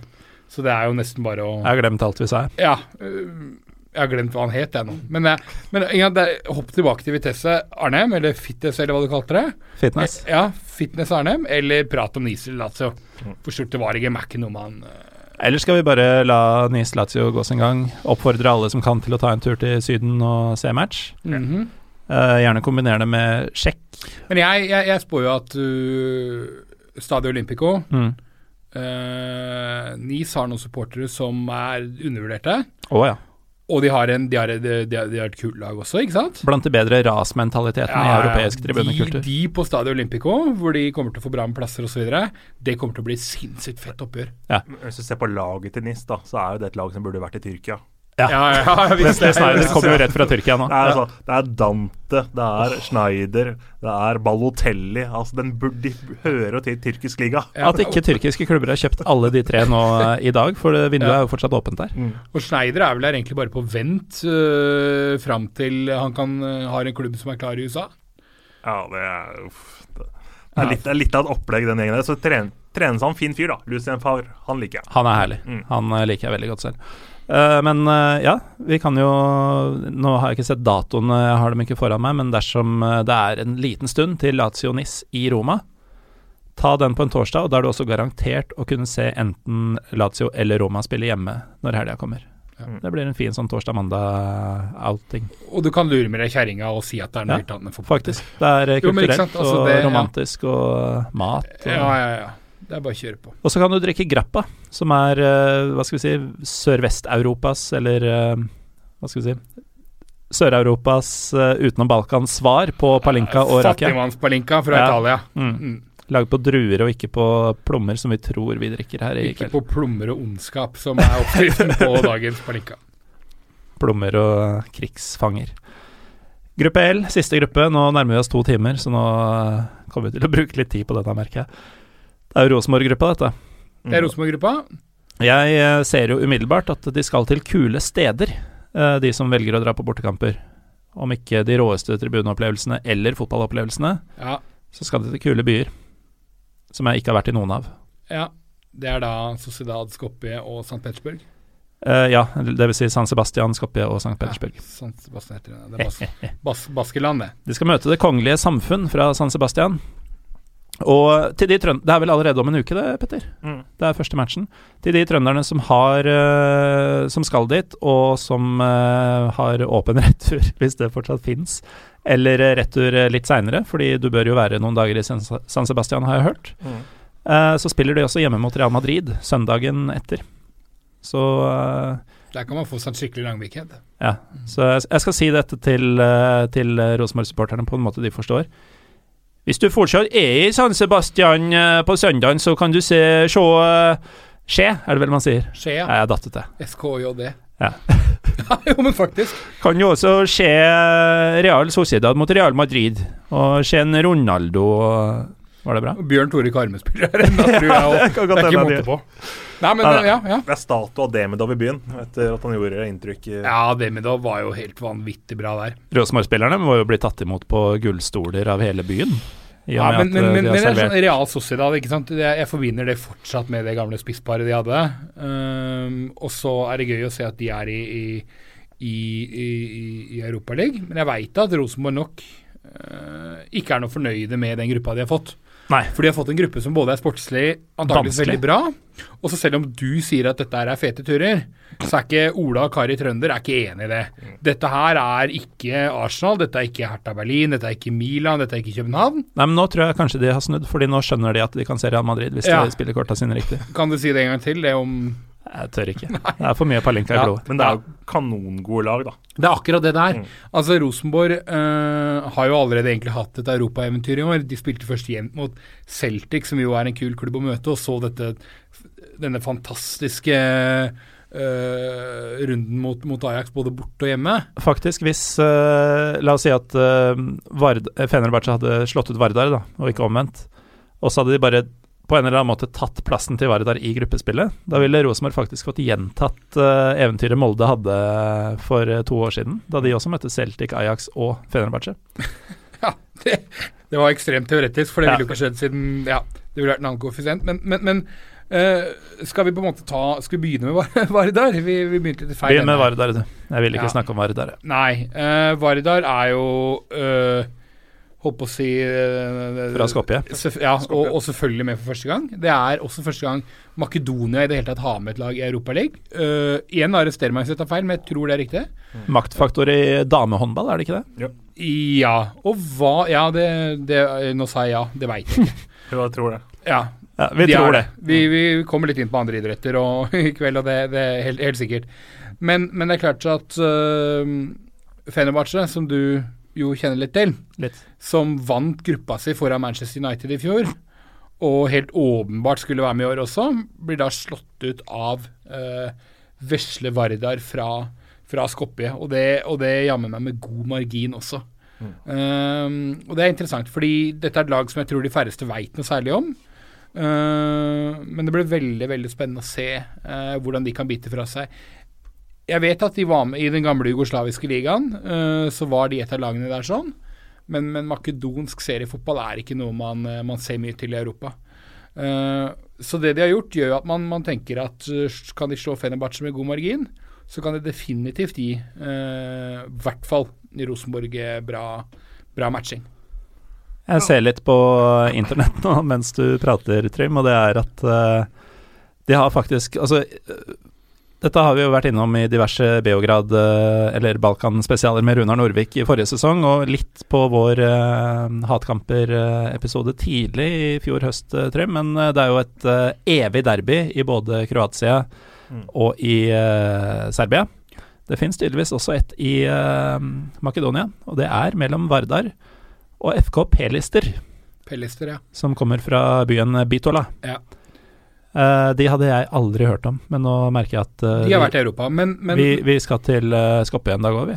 det skal vi. Uh, og det er riktig, det heter det evige derby, eller Veciti derby, heter det i alle Balkanlandene, bortsett fra Romania. Der heter det Marele derby, og det betyr ikke evig derby, men det store derby. Så det er liksom, det, det er størrelse på det uansett, da. Enten det er evig eller stort. Og så er de jo venner med de verste ultrasene til Schalke. Ja. Så kanskje de gutta der kunne tenke seg å se på Rosenborg-Varda, for da blir det trøkk. Det blir interessant. Um, men det er klart at man har sett noen ganger tidligere lag som uh, Og litt tilbake til Østersund for så vidt òg, men lag, lag som kvalifiserer seg for første gang. uh, og gjør en imponerende kvalik, sånn som begge disse to lagene har. Så er det litt annerledes når du først kommer inn i gruppespillet. Så er det nesten som om man, man har allerede fått eventyret sitt. Um, om og i den gruppa der sånn, så skal jeg bli veldig veldig overraska hvis ikke de har eh, Og dette sier jeg uten å vite så mye om det sportslige. Jeg skal bli overraska hvis ikke de har tosifra antall mål i, i sekken når de seks eh, kampene er ferdig i den gruppa der. Det må være lov å si. Det er en klubb, klubb som også har vært innblanda mye kampfiksingsting. og eh, det er en klubb som kanskje ikke har de beste menneskesynet på alt mulig. Det er en orto- ortodoks klubb og syns ikke veldig godt om uh, verken albanere eller muslimer. Nei. Og det er de ganske klare på. Ja, det er ikke noe eh, greit.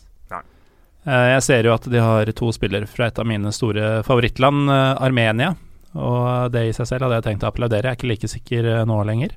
Men jeg ser også at på Wikipedia-siden deres, på troppen, så er det bare fem spillere i hele troppen av, på øyemål 25 som ikke har en egen side på Wikipedia. En av dem er spiller nummer ti. Er ikke det litt sært? At det, en av de fem mest obskure spillerne dine er tieren. Ja. Og han har det herlige navnet. Han er russer og heter Maxim Maximov. Han, Du, du eh, skjønner at det er noe spesielt med han. han uh, må jo ha vært toneangivende da de slo ut Fenerbahçe. Ja. Kan ikke skjønne annet. Men uh, jo, fin overgang, eh, Petter. Gjøre det litt mørkt rundt Vardar for eh, Zenit. Gammel traver og kjent navn for de fleste. Og endelig en stadion som er ferdig, vel? Ja, er han det? Jeg tror den endelig er ferdig nå etter De må bare rydde bort de siste likene av nordkoreanske slaver fra gresset, og så er det, Det er klart de må. Ja. Det må til. Men uh, vi må jo aldri glemme at uh, dette er laget hvis uh, supportere hadde som uh, årsmøteforslag å få med i statuttene til klubben at de aldri skulle ha mørkhudede eller homofile spillere. Det er mørkt. Det er verre enn å bare ville ha ortodokse. Nesten. Ja, nesten. Det er med god margin. Ja, ja det er eh, Det er godt over Beitar Jerusalem-nivå, faktisk. Mm. Det er uh, bekmørkt. Eh, ironisk nok. Det er jo akkurat det de prøver å unngå. Trenes i hvert fall heldigvis av en sånn brukbart fin fyr nå, da. Ja. I Roberto Martini. Får håpe at han kanskje kan myke opp uh, noe der. Men Ja. eh, det er fremdeles en del holdninger som sitter igjen der som uh, Den tidligere Lazio-spilleren Roberto Men, Marcini. men, men, men igjen, Jo, man har sjarmerende, myke smilet, så Ja. det smelter litt og Ja, men igjen, når vi, Det er altså, det, er, det, er for, det er ikke for at jeg skal si at noe av dette er greit, men vi var inne på det med Ukraina, og, og, og nå er det St. Petersburg, og du kunne sikkert sagt det om Polske lag Ja, og, ja, ikke sant. Så jeg veit ikke om jeg orker den der, egentlig, for det, sånn er det bare. Men Zenit St. Petersburg, det er vel Dette er tiårssesongen siden de vel vant Europaligaen? Kan det, kan det, være riktig? kan være riktig. Jeg, jeg tror det. det er noe, de vant vel 07-08-sesongen, tror jeg, eller kanskje var året etter. Jeg vet ikke. Men dette er jo også, de, det er også en av de klubbene som egentlig kunne vært i Champions League, gjerne, og som Mm. definitivt, sammen med Everton, AC Milan, Lyon, av de lagene som er med nå, bør være en av favorittene til å gå hele veien. Mm. I hvert fall fram til vi vet hva som kommer inn fra, fra Champions League. Mm. Uh, igjen beintøft for, eh, for uh, Rosenborg. Ja. Ja. Og i motsetning til uh, for to år siden, da de um, Da husker jeg ble så irritert. Da var vel Kåre Ingebrigtsen som var ute og sa etter trekning at vi vil nå gjerne ha eh, Jeg skjønner ikke hvorfor jeg må snakke trøndersk i kveld. Jeg vet ikke. Det Nei, vi har ikke oppfordra deg, i hvert fall. Det, man blir sånn av å drikke sprit. Mm. Det er eneste forklaringa til at trøndere er som de er. Uh, til dere lyttere i Trøndelag Jeg, jeg holdt på å si jeg har egentlig ikke noen måter, men vi bare hopper forbi den. Uh, jeg husker i hvert fall at Kåre var ute og sa at de så gjerne skulle ha Tottenham eller Liverpool, da de fikk en gruppe med Lazio, Sant Etienne og uh, det var vel Dnipro, tror jeg. Ja. Og jeg ble så sur, for da hadde de jo, kanskje med unntak av Dnipro, som er, er litt heavy, Ja, og når du snakker om usjarmerende ukrainske klubber men de hadde jo helt rå motstandere i Saint Etienne og Lazio. Uh, det var lag som de kunne spille jevne enkeltkamper mot. Det var svære klubber, om ikke de beste akkurat nå. Og det var magiske tribuneopplevelser og eh, bortematcher for supporterne. Denne gangen så har de egentlig bare fått kule byer å dra til, eller interessante byer å besøke, uten å få eh, det helt sportslige utbyttet. De, det, det er lag som kommer til å slå Rosenborg, uten at du sitter igjen med sånn her, Ja, i hvert fall så tapte vi mot x antall verdensstjerner. Nei, det er en sur gruppe, og hun sa det vel, hun RBK-direktøren, at uh, bare det å komme til gruppespillet Vi var inne på dette med penger i stad. At det, det har en verdi på et sted mellom 50 og 100 millioner. Uh, og så får du den gruppe L som Rosenborg havna i, og da er vi nærmere 50 millioner enn 100. Mm. Uh, og nå er ikke det at det er lite penger i, i, i norsk sammenheng uansett, men det, uh, men det var nok en skuffelse for dem. Det var nok et håp om, om uh, andre klubber med, med, i hvert fall i norske ører, større navn. Mm. Ja. Og så er det også land som bryr seg om Europaligaen. mm. Altså Mm. sånn, og det er ikke gunstig for norske lag da å møte lag som er Ja, det er, godt, det, er godt, det er et godt poeng, fordi at ikke sant, man har sett det nærmest eh, hegemoniet som Sevilla har hatt i Europaligaen. Nå er Real Sociedad inne der. Dette kan godt være noe De vet at de vil aldri vinne La Liga. Eller bli i topp fire. Nei, antageligvis ikke. Med mindre Nihat Kaveci og, og uh, Erik Kovacevic eh, kommer tilbake. Og det, det er jo litt for sent for det nå. Så, så Det er ikke så langt unna nivået, faktisk, med uh, Vela. Nå har vel han for så vidt mista plassen, men jeg ser fortsatt han som uh, høyrevingen deres. Vela, William José og Oyar Der sier du et Carlos Vela mot Niklas Bentner i denne gruppa. Det er jo for meg som en gang i tiden uh, syns at Arsenal var sjarmerende, fantastisk. For ikke å snakke om eh, Carlos Vela mot eh, Birger Meling, eller hva han heter, han Ja, blondina ja, ja, på, Ja, ja. på venstre side der. Men den jeg gleder meg mest til å se, er Jaramendi hos Real Sociedad. Ja, Som fikk sin debut på um, på A-landslaget nå i juni, eller hva det var for noe. Om de spilte en treningskamp, eller hva det var for noe. Um, som han, han var jo i Real Madrid for uh, noen år siden også, og han er helt fantastisk. Kjenner du noe særlig til Miquel Oyar Sabal? Ikke sånn veldig dypt. Jeg har sett han et uh, par ganger, ja. Men ikke Han, noe sånn. Jeg har eh, ikke lest boka hans, nei. Han blir fort eh, høstens spiller i denne gruppa, vil jeg Det, det spår jeg her og nå. Mm. Vi må etter to timer og fire minutter og 49 sekunder begynne å sette strek. Vi har slått den eh, lengste episoden tidligere med det dobbelte, omtrent. Eh, det er ikke bare Palinkans skyld. Men eh, takk til mine gjester Trym Hogner og Petter Bø Tosterud. Jo, takk selv. Takk, takk for Og takk, takk for bidraget ditt, uh, Trym, uh, til at uh, at Sendinga ble litt som den ble. overtid. Ja da. Petter, du skal vel kommentere denne turneringa utover? Forhåpentligvis. Vi får se. Nå er vel ikke alt satt opp av hva som skal sendes på TV, og hva som ikke skal sendes på TV, men jeg skal i hvert fall, um, i hvert fall uh, bidra litt rundt studiosendingene. Så får vi se hvor mye man får sett meg. Det, det får vi se på. Men det er i hvert fall om en uke så starter uh, Europaligaen, og det gleder jeg meg til. Men, men hvis ikke du skal kommentere så mye, så kan vi kanskje ta en totimersepisode til om uh, Vardar og Schulte Varegem spesial. Ja, men om, nå- jeg, om jeg ikke skal kommentere kamper selv, så kan jeg da skal jeg følge med på seks-sju kamper samtidig og gå gjennom de høydepunktsmagasinene våre på kvelden. Da. Så en, Som kommer annen, til å høre deg. en eller annen rolle kommer jeg nok til å ha. Ja. Uh, og i verste fall, uh, hvis skulle du bli arbeidsledig en torsdagskveld, så fant jeg ut sist fredag da jeg hjalp til å produsere denne La Liga Deadline Day-spesialen, live-spesialen, uh, så vet jeg jo nå hvordan man uh, legger ut live. Ja, ja. Så vi kunne jo sitte i alle tre med diverse sprit og kommentert den særeste matchen vi finner i løpet av hele høsten. Ja, Schulte Varegem mot hvem som helst. Fordi Og da blir det Oldrup Jensen-show. Ja. Men uh, for de som har uh, Eurosport Player, eller som vurderer å skaffe Eurosport Player, så kan jeg nevne at samtlige matcher i turneringa kommer til å bli vist der. Eh, om enn uten kommentator på de som velges bort av eh, selve TV-kanalene, så vil du kunne se hver eneste kamp. Alt av Solte Varegem, om du skulle ønske. Og hva var det han het for en? Jeg glemte det nå. Oldrup Jensen. Oldrup Men- Jensen. Eller kan du se fast av Slinn, som jeg skal. Ja. Sjekke. Eh, ja. Og Slatko Dripic i Sheriff Tiraspol. For en turnering! Ja, det var glede seg nå. Torsdag 5. oktober kommer Pyro og Pivo til å holde quiz på Pokalen pub i Oslo. Dit må dere komme. Det blir uh, Vi kan vel ikke drikke Palenka medbrakt på puben, antagelig, men vi, vi skal Vi skal bidra med noe. Og et av Eh, spørsmålene må være hva heter den norske spilleren som spiller for Schulte Varegem? det kan jeg faktisk garantere nå, at eh, har du hørt på i to timer og sju minutter, så får du det ene svaret. I mellomtiden, takk for at dere hører på. Jeg heter eh, Morten Galaasen. Husk å følge Pyro Pivopod på Twitter og Instagram, og kos dere med Europaliga-magi til uka.